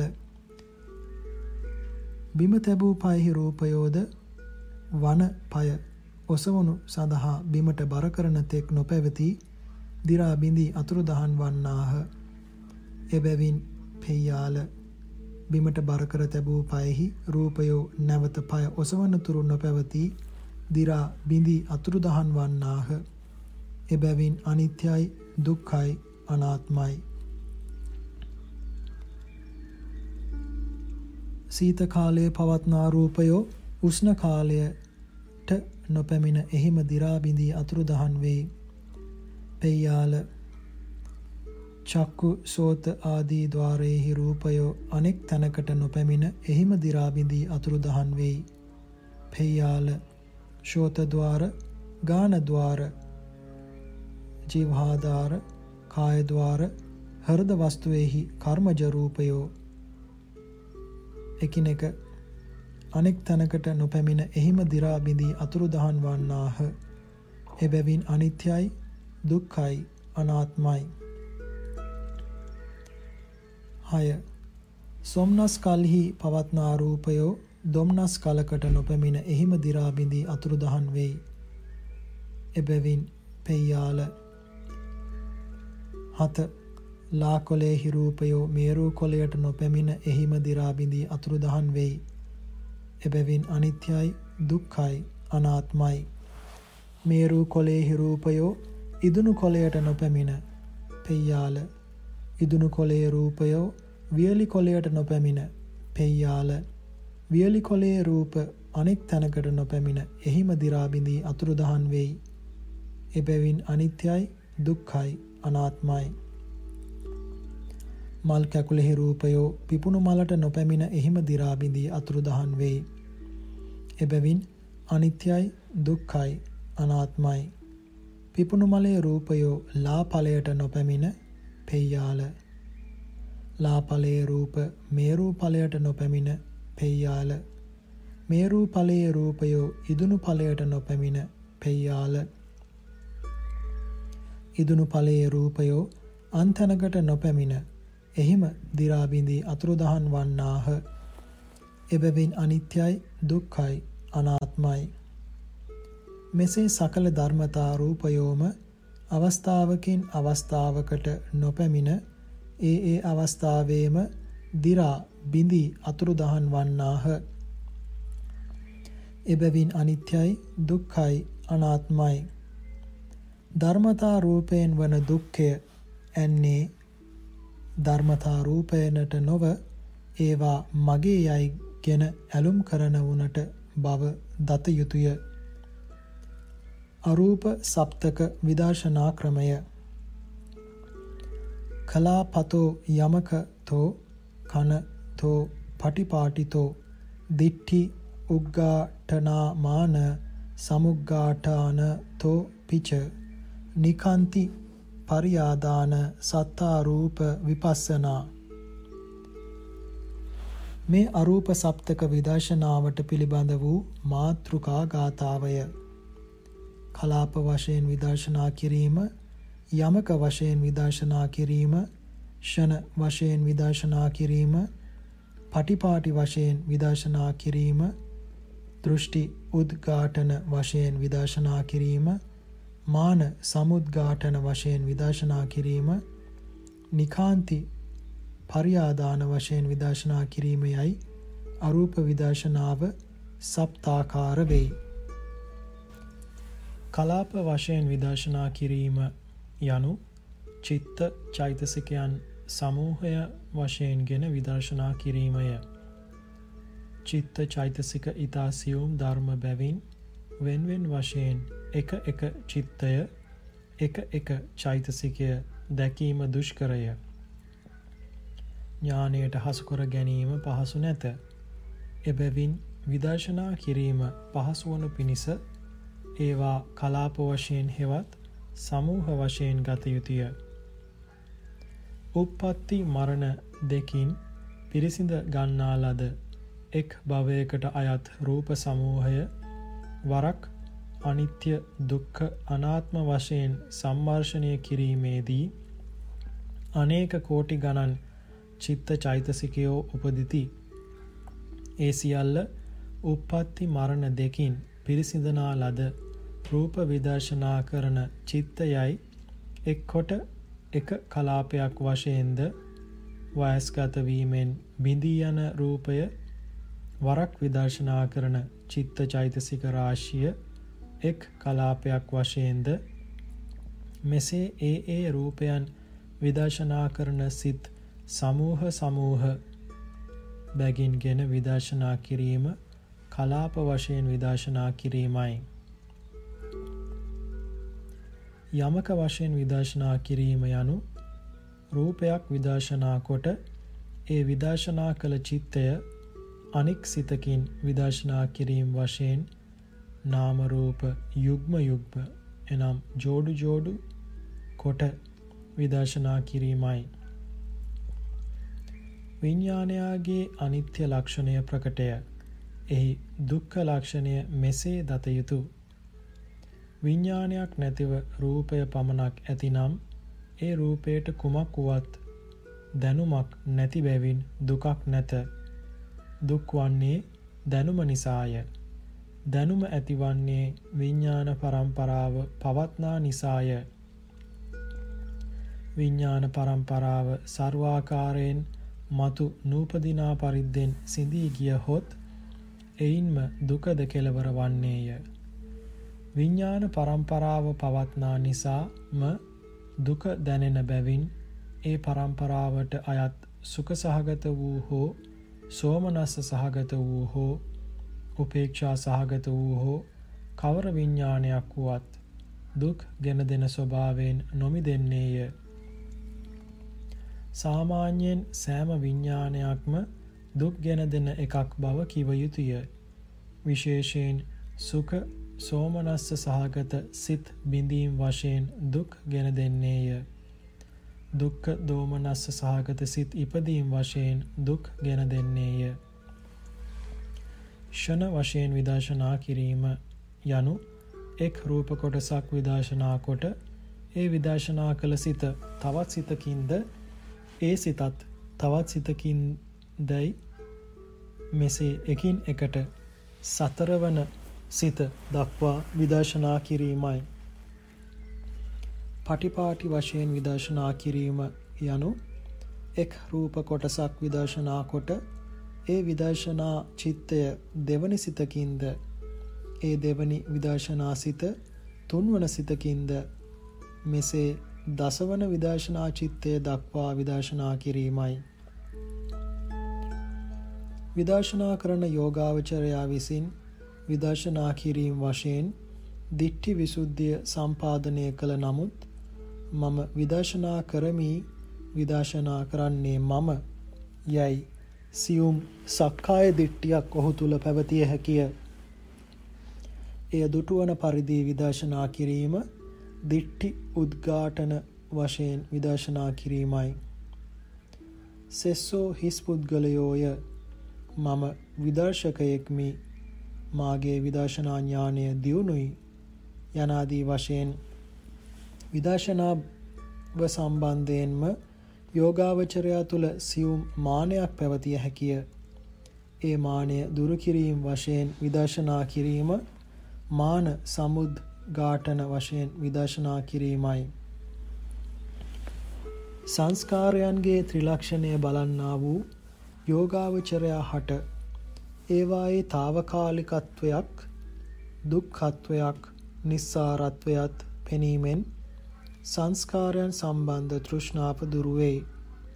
එහෙත් මාගේ විදර්ශනාවය මාගේ ශ්‍රද්ධාවය මාගේ වීරියය මාගේ සිහියය යනාදීන් විදර්ශනා ඥානය හා තත් සංප්‍රයුක්ත ධර්මයන් පිළිබඳ සියුම් තෘෂ්ණාවක් යෝගාවචරයා තුල තිබිය හැකිය.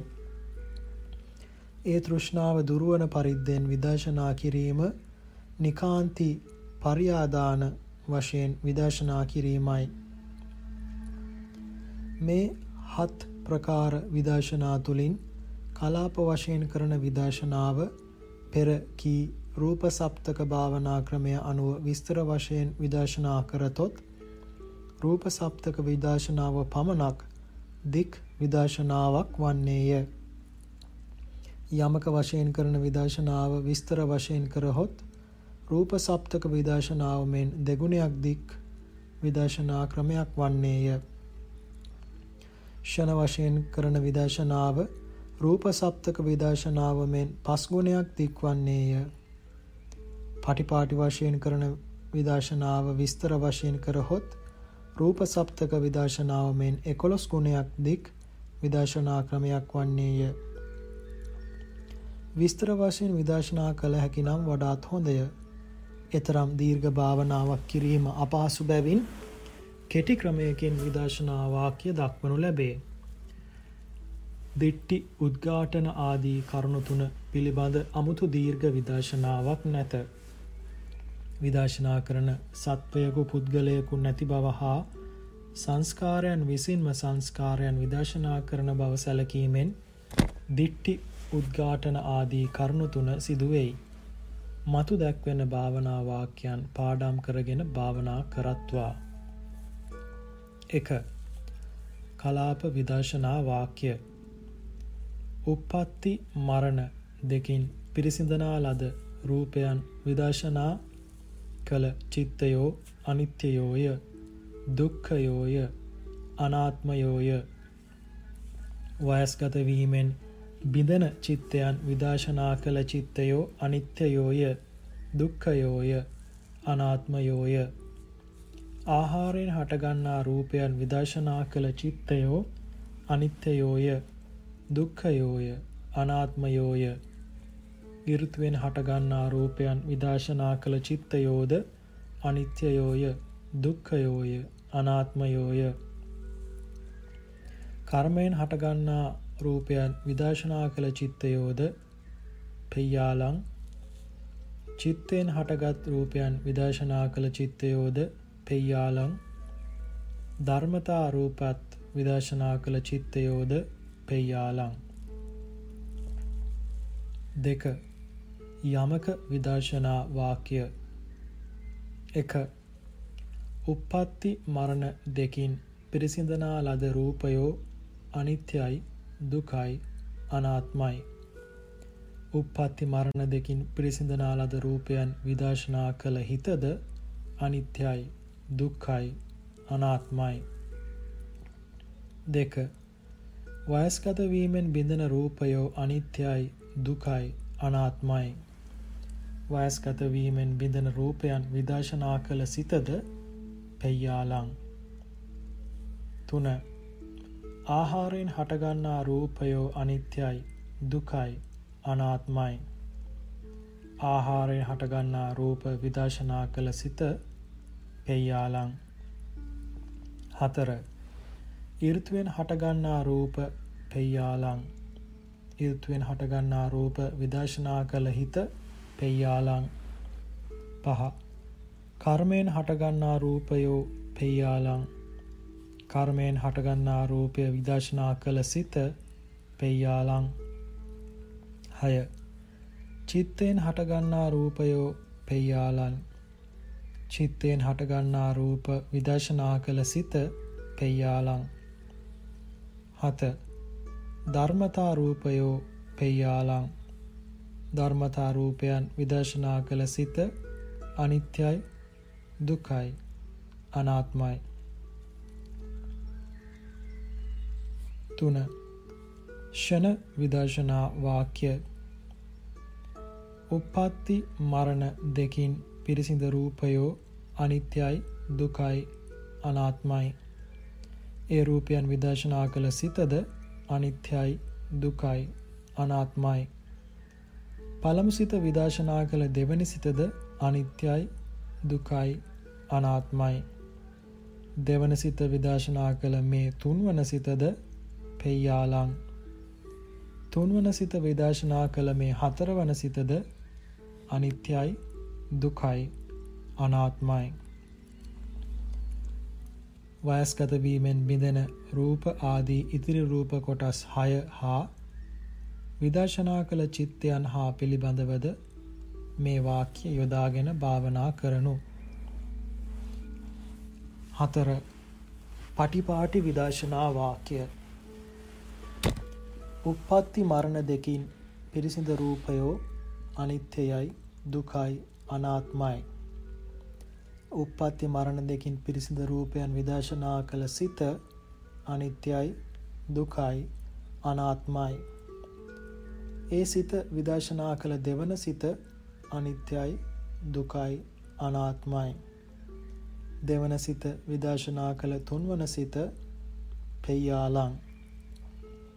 තුන්වන සිත විදර්ශනා කළ හතරවන සිත පෙයාලං හතරවන සිත විදර්ශනා කළ පස්වන සිත පෙයාලං පස්වන සිත විදර්ශනා කළ හයවන සිත පෙයාලං හයවන සිත විදර්ශනා කළ හත්වන සිත පෙයාලං හත්වන සිත විදර්ශනා කළ අටවන සිත පෙයාලං අටවන සිත විදර්ශනා කළ නමවන සිත පෙයාලං නවවන සිත විදර්ශනා කළ දහවන සිත පෙයාලං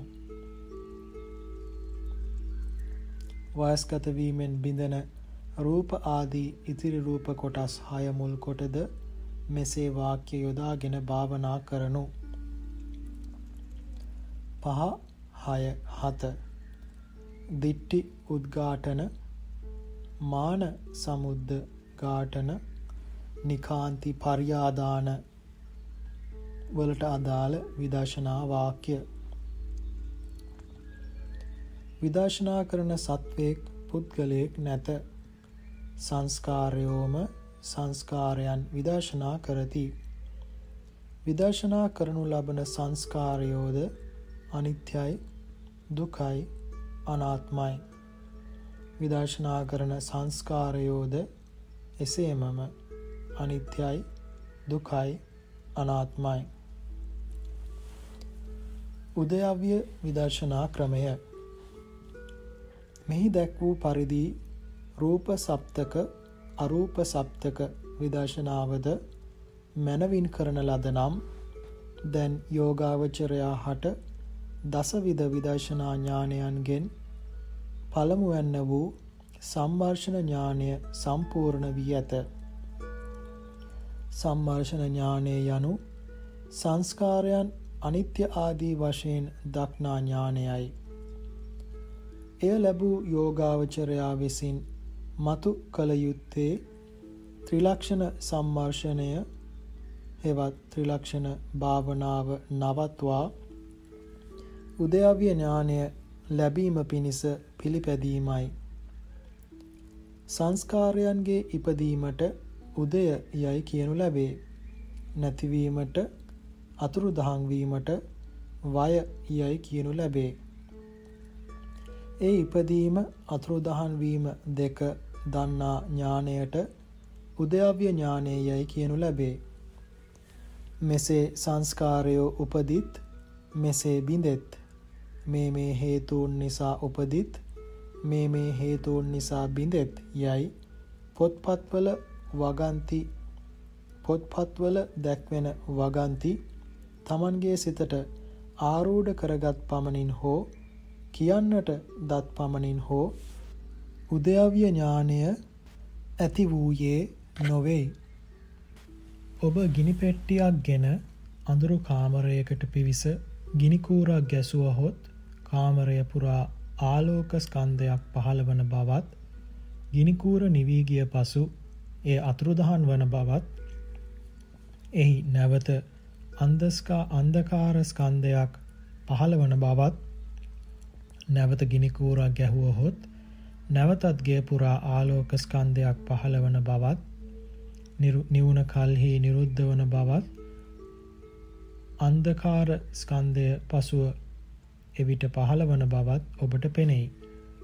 පසුදිනක ඔබ විසින් දක්නා ලද ඒ ආලෝකය අන්ධකාරය ඉපදීම අතුරුදහන් වීම දෙක ගැන සිතන්නේ නම් ඒ ආලෝක අන්ධකාරයන්ගේ ඉපදීම සිඳීම දෙක අනුන්ගෙන් අසා දක්නා ලද්දක් සේ නොව අනුමානයෙන් සිතන දෙයක් මෙන් නොව කිසිදු සැකයක් නැතිව සිතාගත හැකි වනු ඇත.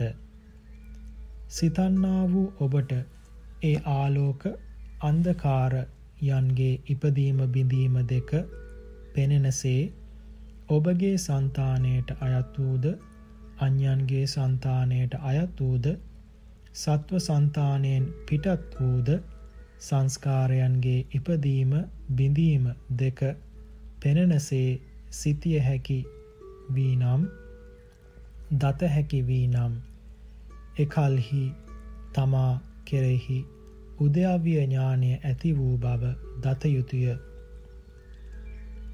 යෝගාවචරයන් විසින් එබඳු සුවිසද දැනුමක් ඇතිවනතුරු සංස්කාරයන්ගේ උදයවිය දෙක ගැන නැවත නැවත සිතිය යුතුය සෙවිය යුතුය.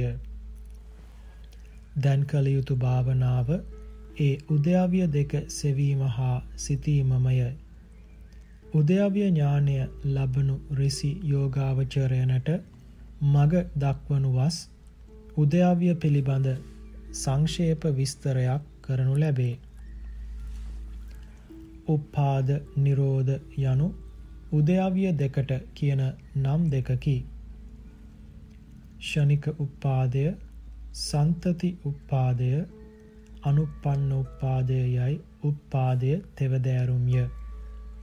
ෂණික නිරෝධය සන්තති නිරෝධය අනුත්පන්න නිරෝධය යයි නිරෝධයද තෙවදෑරුම් වෙයි.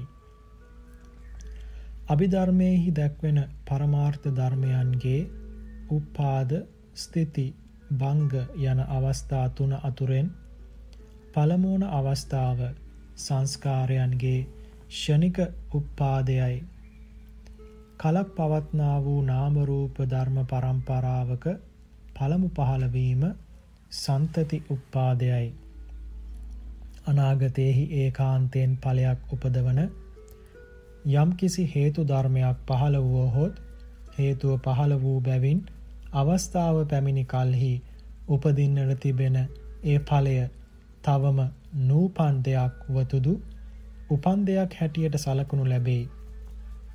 උපදින්නට මත්තෙන් උපන් දෙයක් ලෙස සැලකිය යුතු ඒ ධර්මයගේ ඉපදී ඉපදිය හැකි ස්වභාවය අනුපන්න උපාදයයි. මේ අනුපන්න නිරෝධය අනුව කල්පනා කළ කල්හි පහසුවෙන් වැටහෙනු ඇත. උප්පාද ආදී අවස්ථා තුනෙන් යුක්ත වන පරමාර්ථ ධර්මයන්ගේ අන්තිම අවස්ථාව වූ භංගය ෂණික නිරෝධයයි. කලක් පැවති යම් කිසි සංස්කාර පරම්පරාවක අවසානය සන්තති නිරෝධයයි. යම් කිසි හේතු ධර්මයක් පවත්නා බැවින් මතු පහළවන්නට තිබෙන ඵල ධර්මයක හේතුව නැති වී යාමෙන් නූපදිනා තැනට පැමිණීම ඉපදීම වැළකී යාම අනුප්පන්න නිරෝධයයි අනුප්පාද නිරෝධය යනුද එයටම නමකි වර්ෂයක් පාසා ඵල හටගන්නා ගසක් විනාශ කළහොත් එයින් ඒ ගසෙහි මතු හටගන්නට තිබූ ඵලයන්ගේ විනාශය අභාව ප්‍රාප්තිය ද වන්නේය එය හට නොගත් දෙයක නිරෝධයකි. එබැවින් එයට අනුප්පන්න නිරෝධය යැයි කිව යුතුය. සංස්කාරයන්ගේ අනුප්පන්න නිරෝධයත් ගසේ ඵල නිරෝධයසේ තේරුම් ගත යුතුය. උදයව්‍ය අතුරෙන් ෂණික උදයව්‍ය බුදුවරුන්ගේ විදර්ශනා ඥානයට මුත් ශ්‍රාවකයන්ගේ විදර්ශනා ඥානයට හසුවන්නක් නොවෙයි. කුඩා කුඩා වූ සන්තතීන්ගේ උදයවිය සොයා නුවණ දියුණු කර ගැනීමෙන් ෂණික උදයවිය දර්ශනයට ලං වූ දර්ශනයක් පමණක් ශ්‍රාවකයනට ඇති කරගත හැකිය. ශ්‍රාවකයන්ට මාර්ගඵලයනට පැමිණීමට එය ප්‍රමාණය. උදයවිය ඥානය සම්පාදනය කරන යෝගාවචරයා විසින් පළමු කොට මෙසේ කෙටියෙන් සංස්කාරයන්ගේ උදයවිය බලන්නට පටන් ගත යුතුය. මෙසේ සංස්කාරයන් සංස්කාරයේ උපදින්නට මත්තෙන් යම්කිසි තැනක සැඟවී තිබී කොපුවක තිබුණු දෙයක් පිටතට එන්නාක් මෙන් එන්නාහු නොව. අදුරේ ගිනිකූරක් ගැසූ කල්හි පෙර නොපැවති ආලෝකයක් පහළවන්නාක් මෙන් හේතුන්ගේ සමායෝගයෙන් පෙර නොතිබීම පහළවන්නේය. පහළවන්නා වූ ඒ සංස්කාරයන්ගේ අභිනව ආකාරය උදය වෙයි. බිඳන කල්හිද ඒ සංස්කාරයෝ යම් කිසි තැනක සැඟවෙන්නාහු නොව ගිනිකූර නිවුණ කල ආලෝකය ඒ තැනම අතුරුදහන් වන්නාක් මෙන් උපන් තැනම බිඳී අභාව ප්‍රාප්ත වන්නාහ. ඒවායින් කිසිවක් ඉතිරි නොවන්නේය. අභාව ප්‍රාප්තිය සංස්කාරයන්ගේ වය වෙයි. මෙසේ කොටින් උදයාවිය නුවණින් බලා එය වැටහුණ කල්හි ප්‍රත්‍ය වශයෙන් හා ෂණ වශයෙන්ද උදයාවිය බලන්නට පටන් ගත යුතුය. පූර්වාචාර්යවරයන් උදයාවිය බැලිය යුතු ආකාරය දක්වා තිබෙන්නේ ස්කන්ධ ක්‍රමයෙන් බැවින් මෙහිදු ස්කන්ධ ක්‍රමයෙන්ම උදයවිය විස්තර කරනු ලැබේ.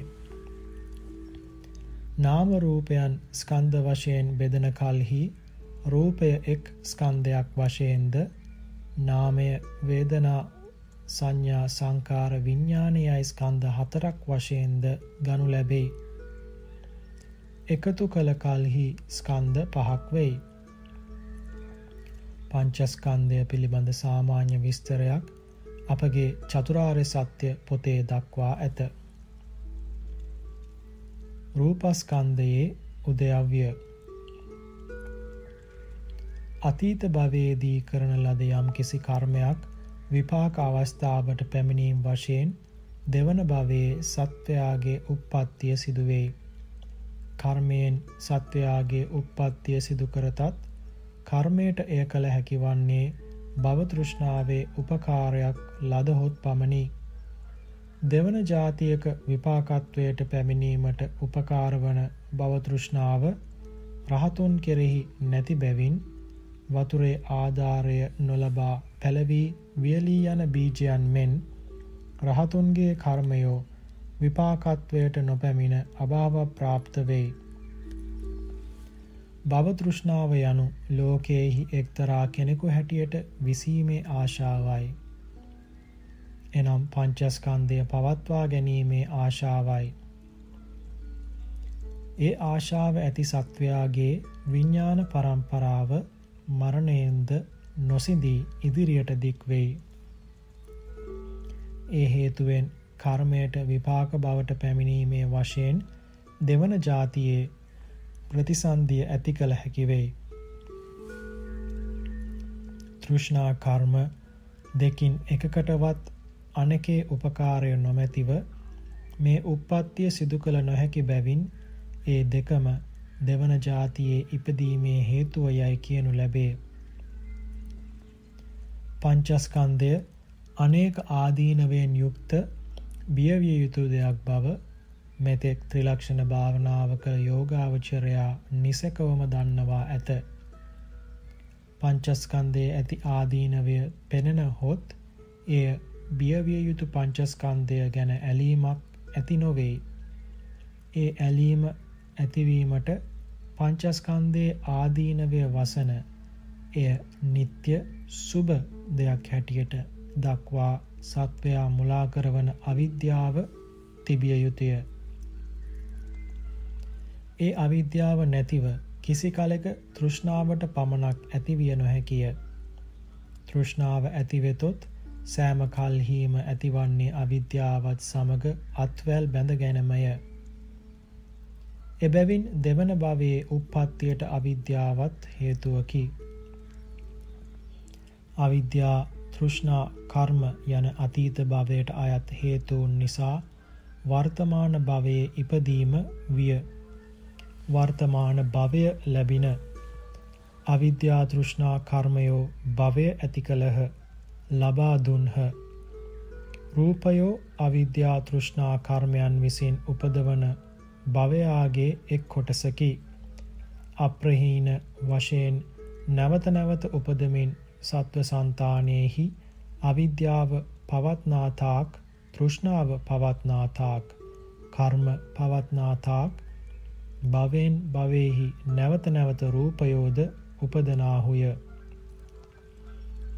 අවිද්‍යා තෘෂ්ණා කර්ම සංඛ්‍යාත අතීත බව පර්යාපන්න හේතුන්ගෙන් පහළවන්නා වූ රූපකයට නානා පරම්පරා වශයෙන් වැඩි වැඩි ඒ භවය මුළුල්ලෙහි පැවතිය හැකිවීමට ආහාරයාගේ සංයෝගයද ලැබිය යුතුය. එය නොලදහොත් කල් නොපැවති රූප පරම්පරාවෝ සිඳී යන්නාහ. ඒවා නොසිදී පවත්නේ ආහාරයාගේ උපස්තම්භනය නිසාය. එබැවින් ආහාරයද රූපයාගේ උප්පත්ති හේතුවකි. පළමුකී අතීත භව පර්යාපන්න හේතු තුනට ආහාරයත් එකල එක් කළ කල්හි රූප හේතු හතරක් වන්නේය. හතරක් වූ හේතුන් අනුව රූපයාගේ උදය බලා ඉක්බිති මේ රූපයෝ පහළවන්නට මත්තෙන් කොහිවත් නොතිබී කොතනකින්වත් නොපැමිණ ඒ ඒ තැන පහළවන්නාහ. යැයි හේතුන් අපේක්ෂා නොකොට ඔවුන්ගේ උදයය පමණක්ද බැලිය යුතුය. හේතුවන්ගේ වශයෙන් බැලීම් හතරය උපාද ලක්ෂණය පමණක් බැලීමයයි රූපස්කන්ධ පිළිබඳ. උදයානු පස්සනා පහක් වන්නේය. මෙසේ පස් ආකාරයෙන් රූපයාගේ උදය බලා නැවත ප්‍රහාණය කිරීමෙන් අවිද්‍යාව නිරුද්ධ කල්හි තෘෂ්ණාව නිරුද්ධ කල්හි කර්මය නිරුද්ධ කල්හි රූපයෝ නොපවිත්තින්නාහ නිරුද්ධ වන්නාහ යැයි හේතු නිරෝධයාගේ වශයෙන් හතර ආකාරයෙන් රූපයන්ගේ නිරෝධය බැලිය යුතුය. උපදින්නා වූ මේ රූපයේ කොහිවත් නොගොස් කොහිවත් නොසැඟවී උපනූපන් තැනම බිඳෙන්නාහ අතුරුදහන් වන්නාහ යයි හේතු අපේක්ෂාවක් නොකොට ලක්ෂණය පමණක්ම ද බැලිය යුතුය. හතරක් වූ නිරෝධ හේතු නිරෝධයාගේ වශයෙන් හා නිරෝධ ලක්ෂණයාගේ වශයෙන් හා රූප පිළිබඳ වය අනුපස්සනාද පහක් වන්නේය. උදයානුපස්සනා පහය වයානුපස්සනා පහය යැයි රූපස්කන්දය පිළිබඳ අනුපස්සනා දහයකි. රූපස්කන්දය පිළිබඳ කී කරුණු හොඳින් තේරුම්ගෙන රූපස්කන්දයාගේ උදය වැය දෙක දස ආකාරයෙන් නැවත නැවත බැලීම් වශයෙන් මතු දැක්වෙන පරිදි මනස් මනසිකාරය පවත්වනු භාවනා කරනු. භාවනා වාක්‍ය එක. අප්‍රහීන භාවයෙන් අවිද්‍යාව පවත්නා බැවින් රූපය උපදින්නාහ. අප්‍රහීන භාවයෙන් තෘෂ්ණාව පවත්නා බැවින් රූපයෝ උපදිනාහ කර්මයන් පවත්නා බැවින් රූපයෝ උපදිනාහ ආහාරය උපස්තම්භක වන බැවින් රූපයෝ උපදිනාහ රූපයෝ කලින් නොතිබී අලුතෙන්ම උපදී ප්‍රහීන භාවයෙන් අවිද්‍යාව නිරුද්ධවීමෙන් රූපයෝ නිරුද්ධ වෙයි. ප්‍රහීනත්වයෙන් තෘෂ්ණාව නිරුද්ධවීමෙන් රූපයෝ නිරුද්ධ වෙයි. කර්මයාගේ නිරෝධයෙන් රූපයෝ නිරුද්ධ වෙයි. ආහාර නිරෝධයෙන් රූපයෝ නිරුද්ධ වෙයි. කිසිවක් ශේෂ නොවී අභාව ප්‍රාප්ත වීම වශයෙන් රූපයෝ නිරුද්ධ වෙයි. මෙහි හේතු නිරෝධයාගේ වශයෙන් කියන රූප නිරෝධය නම් මතු ඉපදිය හැකිව තිබුණ ඒ තාක් නූපදිනා වූ රූපයන්ගේ අනුපාද නිරෝධයයි. උපන් රූපයක නිරෝධයට හේතුවක් ඕමනා නැත. උපන් රූප නිරුද්ධ වීම ස්වභාවික සිද්ධියකි. හේතු අපේක්ෂාවක් නැතිව අන්තිමට දැක් වූ නිරෝධය නම් ෂණික සන්තති අනුපාද යන නිරෝධ තුනටම සාධාරණය. වේදනා සංඥා සංස්කාර විඤ්ඥානයෝද අවිද්‍යා තෘෂ්ණා කර්මයන්ගේ උපදවන භවයගේ කොටස් හතරකි. එබැවින් අවිද්‍යා තෘෂ්ණා කර්මයෝ වේදනා සංඥා සංස්කාර විඤ්ඥානගේ හේතුහුද වෙති.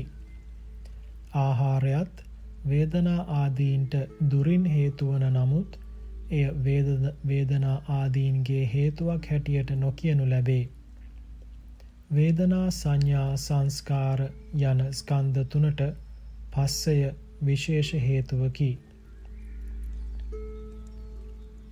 යටකී අවිද්‍යා තෘෂ්ණා කර්ම තුනට පස්සයත් එක්කොට ගත් කල්හි වේදනාද ස්කන්ධත්‍රයෙන් එක එකට අවිද්‍යා තෘෂ්ණා කර්ම ස්පර්ශ වශයෙන් හේතු හතර බැගින් කිව යුතුය. පස්සය විඤ්ඥානයටද හේතුවතුදු මෙහි එය විඤ්ඥාන හේතුවක් වශයෙන් නොගනු ලැබෙයි. ස්පර්ශ චෛතසිකය ద్వාරම්මන විඤ්ඥානයන්ගේ එක්වීමෙන් ඇතිවන ධර්මයකි. එහෙත් ස්පර්ශයෙන් තොරව විඤ්ඥානයට නො ඉපදිය හැකි බැවින් ස්පර්ශයත් විඤ්ඥාන උප්පත්ති හේතුවකි. විඤ්ඥානය නිසා ස්පර්ශයද ස්පර්ශය නිසා විඤ්ඥානයද උපදින්නේය. එහෙත් ස්පර්ශයේ විඤ්ඥාන හේතුත්වයට වඩා විඤ්ඥානයාගේ ස්පර්ශ හේතුත්වය ප්‍රකටය සුගමය එහෙයින් මෙය උද්‍යව්‍ය ඥාන කතාවෙහි ස්පර්ශ විඤ්ඥානය හේතුවක් වශයෙන් පූර්ව ආචාරවරයෝ නොදැක්වූහ. විඤ්ඥානයාගේ විශේෂ හේතුවක් වශයෙන් නාමරූපය දැක්වූහ. පටිච්ච සමුපාදයෙහි විඤ්ඥාන පච්චයා නාමරූපං යැයි විඤ්ඥානයම නාමරූපයාගේ හේතුව හැටියට දැක්වෙන බැවින් නාමරූප විඤ්ඥානයාගේ විශේෂ හේතුව යැයි කී කාලෙහි යෝගාවචරයා වික්ෂිප්ත විය හැකිය. එය ගැන කලබල නොවනු. එය අන්ක්‍රමයකට හේතුඵල දැක්වීමකි. මෙය එයට වඩා වෙනස් ක්‍රමයක හේතුඵල දැක්වීමකි. මහා පදාන මහා නිදාන සූත්‍රයන්හි හා අභිධර්මයේද අන්‍යෝන්‍ය ප්‍රත්‍යතාව දේශනා කිරීමේදී නාම රූප පච්චයා විඥානං යයි නාම රූපයන් නිසා විඥාණය වන බවද දේශිතය. පටිච්ච සමුපාදේහි විඥාණය නාම රූපය හේතුවක් බව දක්වා ඇත්තේ ජනක හේතු දැක්වීමක් වශයෙනි. උදයාවිය ඥාන කතාවේදී නාම රූප විදර්ශ නාම රූප විඥාන හේතුවක් යයි දැක්වෙන්නේ ප්‍රවෘත්ති හේතුවක් වශයෙනි. අවිද්‍යා ආදී අතීත හේතුන් නිසා භවයේ පළමුවෙන් පහළවන විඥාණය කුසල අකුසල ආදී වශයෙන් නානා પરම්පරා වශයෙන් නොසිඳී භවය මුළුල්ලෙහි පවත්නා පවත්නේ නාම රූපයන් නිසාය. එබැවින් නාම රූපය විඤ්ඥානයාගේ ප්‍රවෘත්ති හේතුවය වේදනා සංඥා සංස්කාරයන්ද භවය මුළුල්ලෙහි නානා පරම්පරා වශයෙන් පවත්නේ ස්පර්ශය නිසාය. එබැවින් ස්පර්ශයද වේදනා ආදී ස්කන්ධතුනේ ප්‍රවෘත්ති හේතුව බව දතයුතුය රූපයාගේ මෙන් වේදනා ආදී ස්කන්ධ කෙරෙහි උදයද හතර බැගින් වූ හේතුන්ගේ වශයෙන් හා උපාද ලක්ෂණ මාත්‍රයාගේ වශයෙන්ද යන පස් ආකාරයෙන් බැලිය යුතුය. වයද රූප ස්කන්ධයාගේ වයමෙන්ම වේදනා ආදී ස්කන්ධ හතරේ වයද හතර බැගින් වූ හේතුන්ගේ නිරෝධ බැලීම් වශයෙන් හා නිරෝධ මාත්‍රය බැලීමෙන්ද යන පස් ආකාරයෙන්ම බැලිය යුතුය. එසේ බලන කල්හි රූපස්කන්දයෙහි මෙන්ම වේදනා ආදී ස්කන්ධයන්ගේ දසය බැගින් අනුපස්සනා ඇති බැවින් ස්කන්ධ පංචකය පිළිබඳ අනුපස්සනා පනසක් වන්නේය. පංචස්කන්ධ පිළිබඳ පනස් ආකාරයෙන්ම උදයවය බැලීම කළ යුතුය. නාමස්කන්ධ හතර පිළිබඳව කියන ලද කරුණු හොඳින් තේරුම්ගෙන සතර නාමස්කන්ධයන්ගේ උදයවිය බැලීම් වශයෙන් මතු දැක්වෙන පරිදි භාවනා කරනු. භාවනා වාක්‍ය අප්‍රහීන වශයෙන් අවිද්‍යාව පවත්නා බැවින් වේදනාවෝ උපදිනාහ අප්‍රහීන වශයෙන් තෘෂ්ණාව පෙය්‍යාල කර්මය පෙయ్యాල ස්පර්ශය ආදී ඇති බැවින් වේදනාවෝ උපදිනාහ. පෙර නොතිබීම වේදනාවෝ අලුතින් උපදිනාහ. ප්‍රහීන භාවයෙන් අවිද්‍යාව නිරුද්ධ වීමෙන් වේදනාවෝ නිරුද්ධ වන්නාහ. ප්‍රහීන භාවයෙන් තෘෂ්ණාව නිරුද්ධ වීමෙන් පෙය්‍යාල. කර්මයන් නිරුද්ධ වීමෙන් පෙය්‍යාල. ස්පර්ශයන් නිරුද්ධ වීමෙන් වේදනාවෝ නිරුද්ධ වන්නාහ. කිසිවක් ශේෂ නොවි අභව ප්‍රාප්ත වීම වශයෙන් වේදනාවෝ නිරුද්ධ වන්නාහ. සංඥා සංස්කාර ස්කන්ධ දෙක පිළිබඳ භාවනාවත් මේ වේදනා ස්කන්ධ පිළිබඳ භාවනාව මෙන්මය. වෙනස නම් සංඥාවෝ උපදිනාහ සංඥාවෝ නිරුද්ධ වන්නාහ සංස්කාරයෝ උපදිනාහ සංස්කාරයෝ නිරුද්ධ වන්නාහ. යන වචන වාක්‍යවලට යොදා ගැනීම පමණය. වාක්‍ය යොදාගෙන ඒ ස්කන්ධ දෙක පිළිබඳ භාවනා කරනු. විඥාන ස්කන්ධය පිළිබඳ භාවනා වාක්‍ය මෙසේය. භාවනා වාක්‍ය.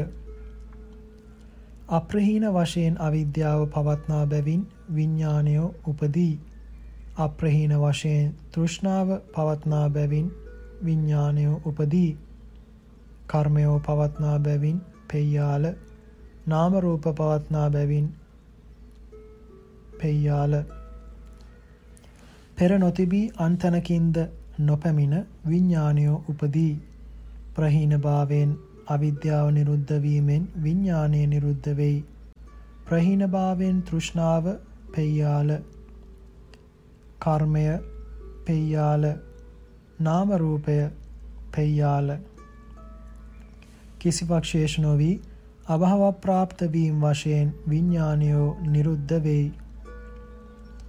කියන ලද පරිදි සම 50 ආකාරයෙන් ප්‍රත්‍ය වශයෙන් හා ලක්ෂණ වශයෙන්ද විස්තර වශයෙන් අනලසව කලක් සංස්කාරයන්ගේ උදේවය බලමින් භාවනා කරන යෝගාවචරයා හට උදේවය ඥානය තියුණු වීමෙන් පටිච්ච සමුප්පාද ආර්ය සත්‍ය ධර්මයන් පහසුවෙන් පෙනෙන්නට වන්නේය.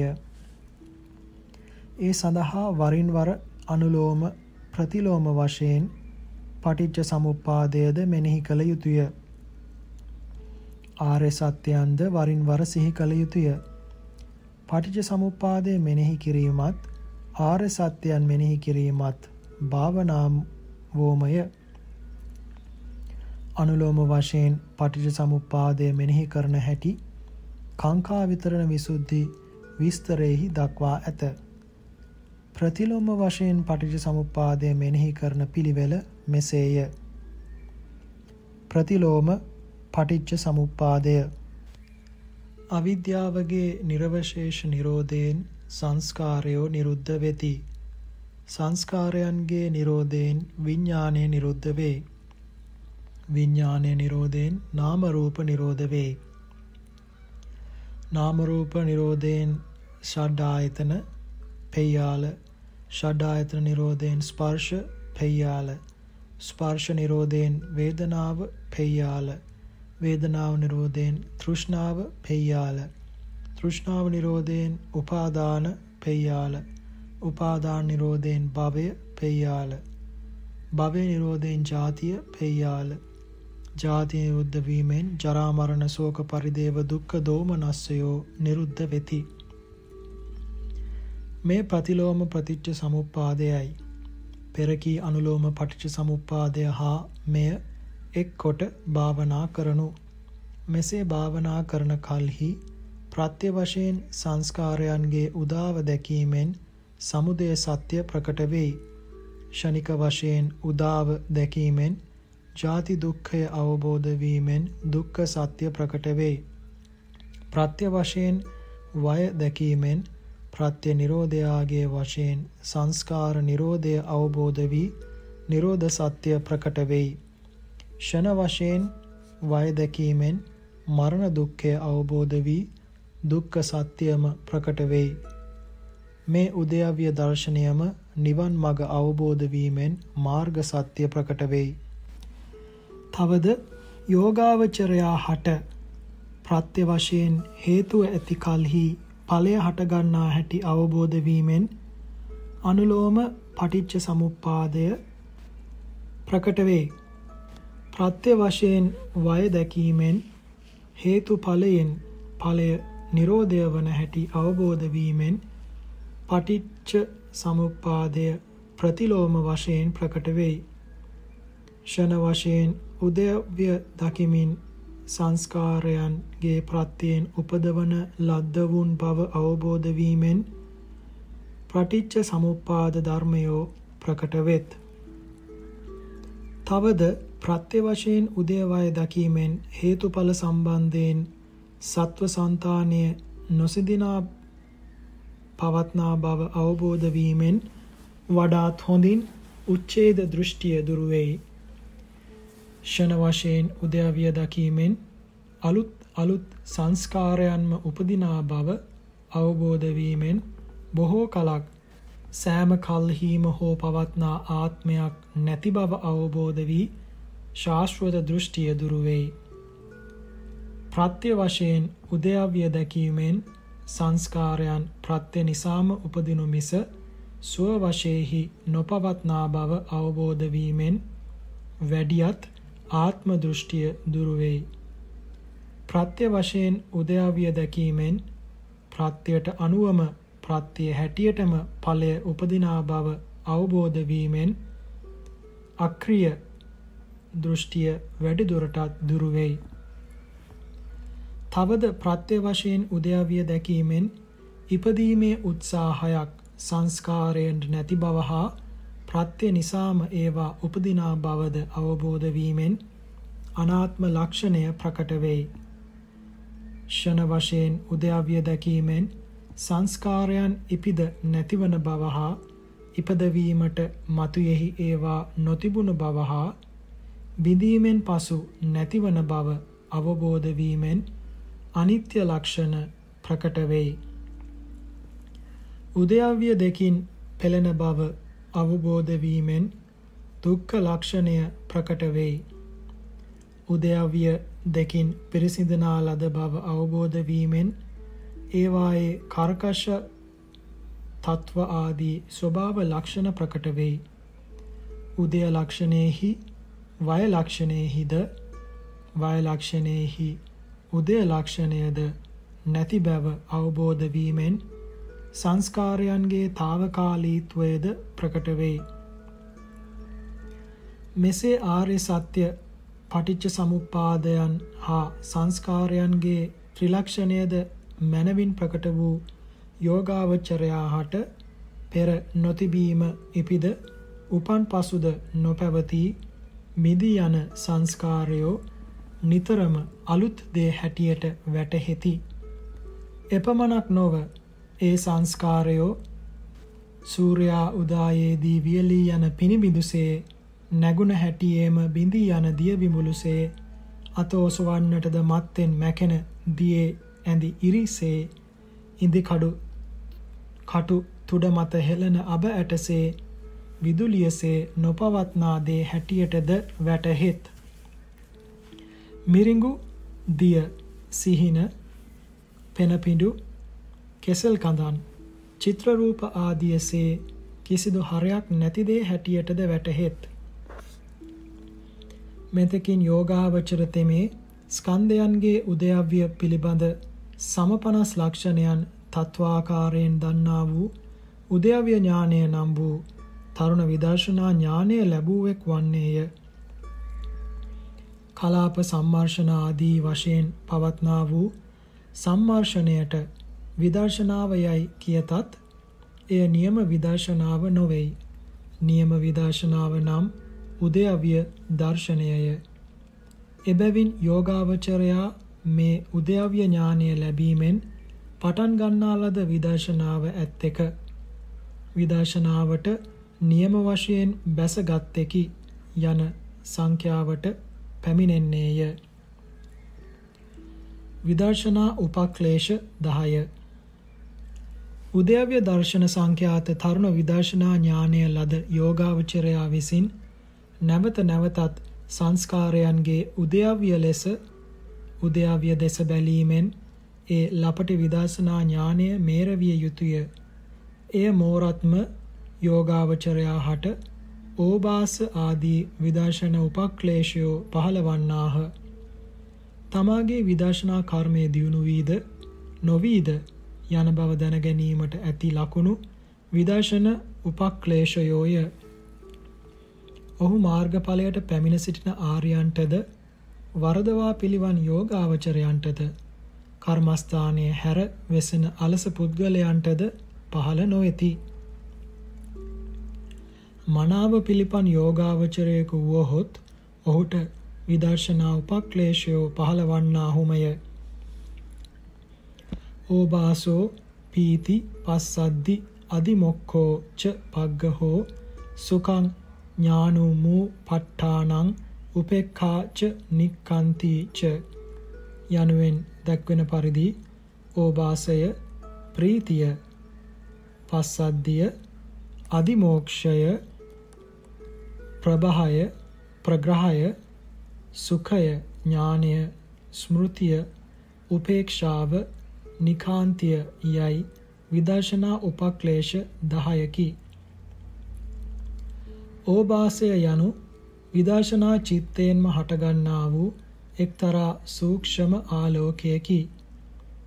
එය උපන් කල්හි සමහර යෝගාවචරයෝ පෙර නො වූ මෙබඳු ආලෝකයක් ඇති වූයේ මාර්ගඵල ලැබීමෙනයි සිතා මුලා වෙති.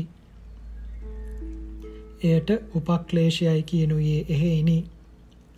රවටුණු යෝගාවචර තෙමේ ආලෝකය මාර්ගඵලය හැටියට හෝ ආලෝකයට හේතු වූ විදර්ශනා චිත්තයම මාර්ගය ය ඵලය කියා හෝ වරදවා අමාර්ගය මාර්ගය ලෙසද ඵලය නොවූ දෙය ඵලය ලෙසදගෙන විදර්ශනා භාවනා මාර්ගයෙන් නොමගට බසී. හෙතෙමේ තමාගේ කර්මස්ථානය මෙනෙහි නොකොට කර්මස්ථානය අතහැර දමා තමාලත් ආලෝකයම මෙනෙහි කරමින් එය ගැන සතුටු වෙමින් වාසය කරයි. කර්මස්ථානය හැර වෙසෙන ඔහුට කල්යාමෙන් ආලෝකයත් තමා කලක් වෙහෙසී ලබාගත් ආලෝකයට හේතු වූ සුපරිසුද්ධ උද්‍යව්‍ය ඥානයත් යන දෙකම නැති වෙයි. සමත භාවනාවෙහි යෙදෙන්නවුන් හටද සමහර විට ආලෝකයක් පහළ වේ. එය කියන ලද විදර්ශනා ආලෝකයෙන් අන්‍ය ආලෝකයකි. එය සමත භාවනාවෙහි යෙදෙන බොහෝ දෙනාට ලැබෙන සුලභ දෙයකි. මේ විදර්ශනා ආලෝකය ලැබූ යෝගාවචරයාටම මිස අනෙකෙකුට පෙනෙන්නක් නොවේ. එය උපදින්නේද ඒ ඒ පුද්ගලයනට නොයෙක් අයුරුනි. කෙනෙකුට තමන් වාඩි වී සිටි තැන පමණක් ආලෝක කරමින් එය පහළ වෙයි. කෙනෙකුට තමන් වෙසෙන මුළු ගෙයම ආලෝක කරමින් පහළ වෙයි. කෙනෙකුට ගෙයින් පිටත ගව්ව දෙගව්ව තුන් ගව්ව යොදුන යොදුන් දෙක යනාදී වශයෙන් ආලෝක කෙරමින් පහළ වෙයි. සමහරුන්ට පොළවෙහි පටන් බඹලෝ දක්වා ආලෝක කරමින් එය පහළ වෙයි. බුදුන් වහන්සේට දසදහසක් සක්වලම ආලෝක කරමින් පහළ වූයේ යැයි කියා තිබෙයි. ආලෝකයේ වෙනසක් දැක්වීම පිණිස పూర్ව ආචාර්යයන් දක්වන කතාවක් මෙසේය. සිතුල් පව්වෙහි දෙබිත්ති ගයක යෝගාවචර තෙරුන් වහන්සේ දෙනමක් වැඩහුන්හ. ඒ දවස අහස වැසි කළුවෙන් වැසුණු මහ අඳුරු මාස පෝය දවසකි. මධ්‍යම රාත්‍රියෙහි එක් තෙර කෙනෙක් අනෙක් තෙරුන් වහන්සේ අමතා ස්වාමීනි මට දැන් සෑමලුවෙහි මල් මල මල් අසුන්හි පුදා තිබෙන මල් මෙතනටම පෙනෙන්නේ යයි කීහ. අනිත්තරුන් වහන්සේ කියනසේක් ඇවැත්නි ඔය පෙනුම කිනම් ආශ්චර්යයක්ද මට මෙතනට මහසයුරේ යොදුනක් පමණ තැන හැසිරෙන මත්ස්‍යයන්ද පෙනෙති යැයි කීසේක. විදර්ශනා ආලෝකයෙන් පෙනෙන මේ පෙනුම පියවි ඇසට පෙනෙන පෙනුමක් නොව දිවසට මෙන් සිතටම පෙනෙන පෙනුමකි. සමහර යෝගාවචරණට තමන් වෙසෙන තැන ආලෝකමත් වී පියවි ඇසට සමීපෙහි ඇතිදෑ පෙනෙයි. එහෙත් ඒ ආලෝකය ඒ යෝගාවචරයාටම මිස අනෙකෙකුට නොපෙනෙයි. විදර්ශනා උපක්ලේශයෝ බොහෝ සෙයින් සමත විදර්ශනා දෙකම ලබා සිටි යෝගාවචරයන්ට පහළ වෙයි. ලක්දිව තරංගල වාසී ධම්මදින්න නම් වූ පිළිසිඹියාපත් මහරහතන් වහන්සේ කෙනෙක් පෙර විසූහ. උන්වහන්සේ බොහෝ භික්ෂූන්ට අවවාද අනුශාසනා කරනසේක. එක් දවසක් උන්වහන්සේ තමන් වහන්සේගේ ආචාර්යවරයාණන් වූ උච්චාල වාලිකා වාසී මහානාගස්ත වීරයන් වහන්සේ ගැන බලන්නාහු. උන්වහන්සේ රහත් නොවීම රහත් වූ යෙමි.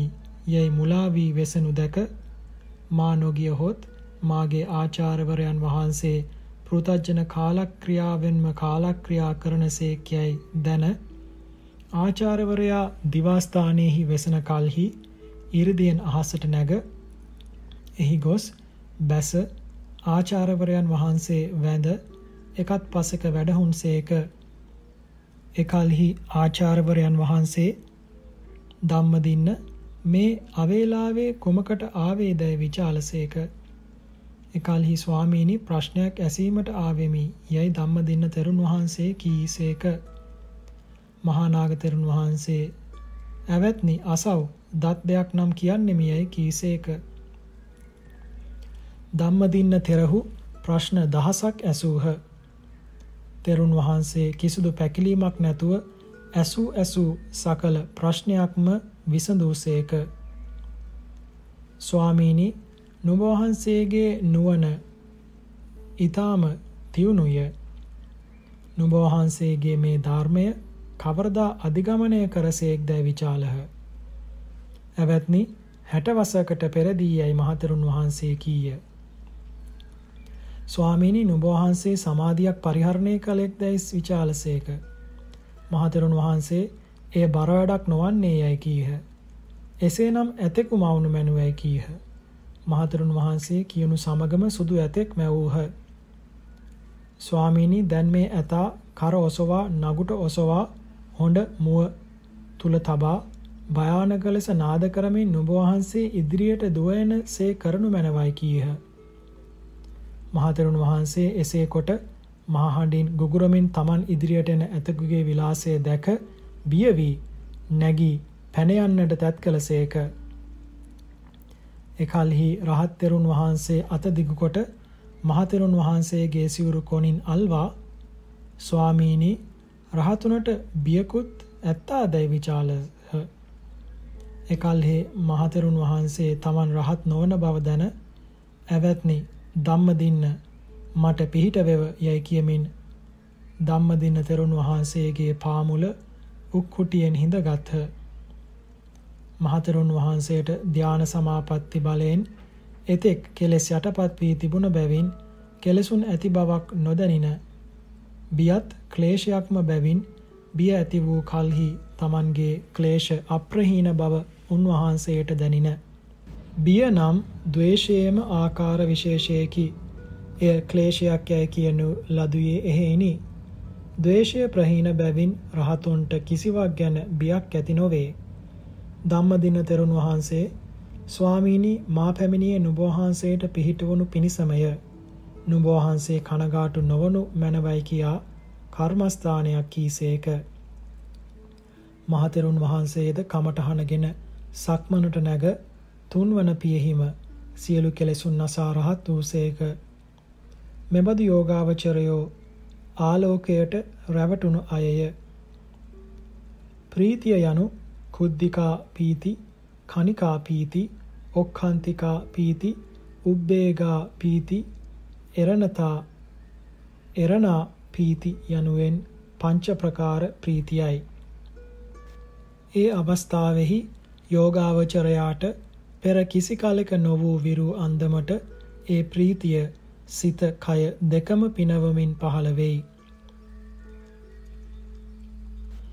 පස්සද්ධිය යනු කාය චිත්ත දෙක සංසිඳවන හෙවත් ශාන්ත සීතල ස්වභාවයට පමුණුවන විදර්ශනා චිත්ත සංප්‍රයුක්ත පස්සද්ධියයි. එය ඇති වූ කලෙහි රාත්‍රිය ස්ථානයේහි හෝ දිවා ස්ථානයේහි හෝ හිඳිනා යෝගාවචරයාගේ කාය චිත්ත ද්වයෙහි 10ක් බර බවක් කර්කශ බවක් අකර්මණ්‍ය බවක් ගිලන් බවක් නොපෙනෙයි. එකල්හි යෝගාවචරයාගේ සිත කය දෙක කාය චිත්ත දෙදෙනාගේ නොසන්සුන් බව සිදු කරන ඕද්‍යාත්‍යාදීන්ගේ දූරීභාවයෙන් සංසිඳෙන්නේය. බර බවක් ඇති කරන තීන මිද්ද ආදීන්ගේ දූරීභාවයෙන් සැහැල්ලු වන්නේය. කර්කශ බවට පමුණුවන දෘෂ්ටි මාන ආදීන්ගේ දූරීභාවයෙන් මෘදු වන්නේය. අකර්මඤ්‍ය බව කරන ශේෂ නීවරණයන්ගේ දූරීභාවයෙන් කර්මඤ්‍ය වන්නේය. ගිලන් බව ඇති කරන අශද්‍රා ආදීන්ගේ දූරීභාවයෙන් නොගිලන් වන්නේය. වංක බව ඇති කරන මායා සාඨෙය්‍ය ආදීන්ගේ දූරීභාවයෙන් ඍජු වන්නේය. ඔහුට කිසියම් අපහසුාවක් නැතිව රිසිසේ විදර්ශනා කළ හැකි වන්නේය. අදිමෝක්ෂය යනු විදර්ශනා චිත්ත සංප්‍රයුක්ත බලවත් ශ්‍රද්ධාවය.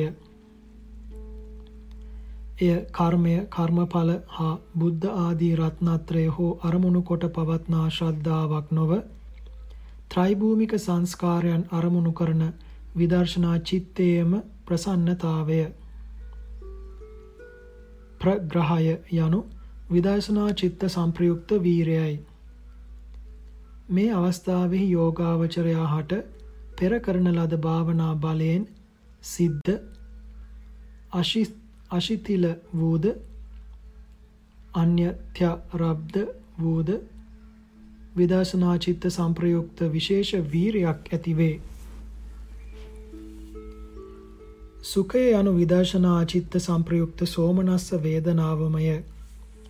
ඒ අවස්ථාවෙහි යෝගාවචරයා හට පෙර කිසි කලක නොවවිරු අන්දමේ අති ප්‍රනීත සුඛයක් සකල ශරීරයෙහිම ගලා යන්නාක් මෙන් උපදී. ඥානය යනු විදර්ශනා ඥානයමය.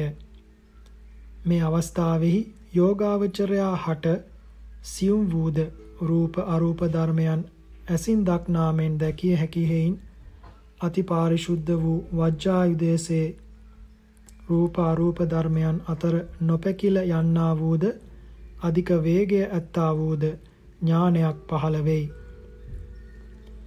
උප ဋ ාණ හෙවත් ස්මෘතිය යනු විදර්ශනා චිත්ත සංප්‍රයුක්ත ස්මෘතියමය.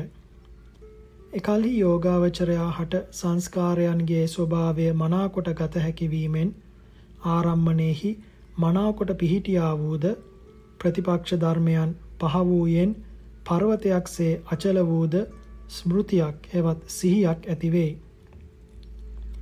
යෝගාවචරයා යම් යම් සංස්කාරයන් මෙනෙහි කෙරේද ඒ සියල්ලම මේ ස්මෘතියේම බලයෙන් ඔහුට මනාකොට වැටහෙන්නේය. උපේක්ෂාව යනු විදර්ශනා උපේක්ෂාව හා ආවර්ජන උපේක්ෂාවය. එහි විදර්ශනා උපේක්ෂාව යනු සංස්කාරයන්ගේ ස්වභාවය බොහෝ සොයා බැලූ බැවින් එය පිළිබඳ ඇතිවන මධ්‍යස්ථතාවයයි. ආවර්ජනය කිරීමට උවමනා සංස්කාරයන් ලෙහෙසියෙන්ම වැටහෙන බැවින් මෙනෙහි කිරීමට සම්බන්ධ වූ මධ්‍යස්ථතාව ආවර්ජන උපේක්ෂාවය මේ දෙකම මේ අවස්ථාවේ යෝගාවචරයාට බලවත්ව පහළ වෙයි. නිකාන්ති යනු විදර්ශනා පිළිබඳ වූ වූම තෘෂ්ණාවයි. මේ අවස්ථාවේදී යෝගාවචරයා හට ආලෝක ආදියෙන් යුක්ත වූ ස්වකීය විදර්ශනාවට ඇලුම් කරන සූක්ෂම වූ ශාන්ත වූ තෘෂ්ණාවක් උපදින්නේය. එය ක්ලේශයක් බව දත නොහෙන තරමටම ශාන්තය සූක්ෂමය.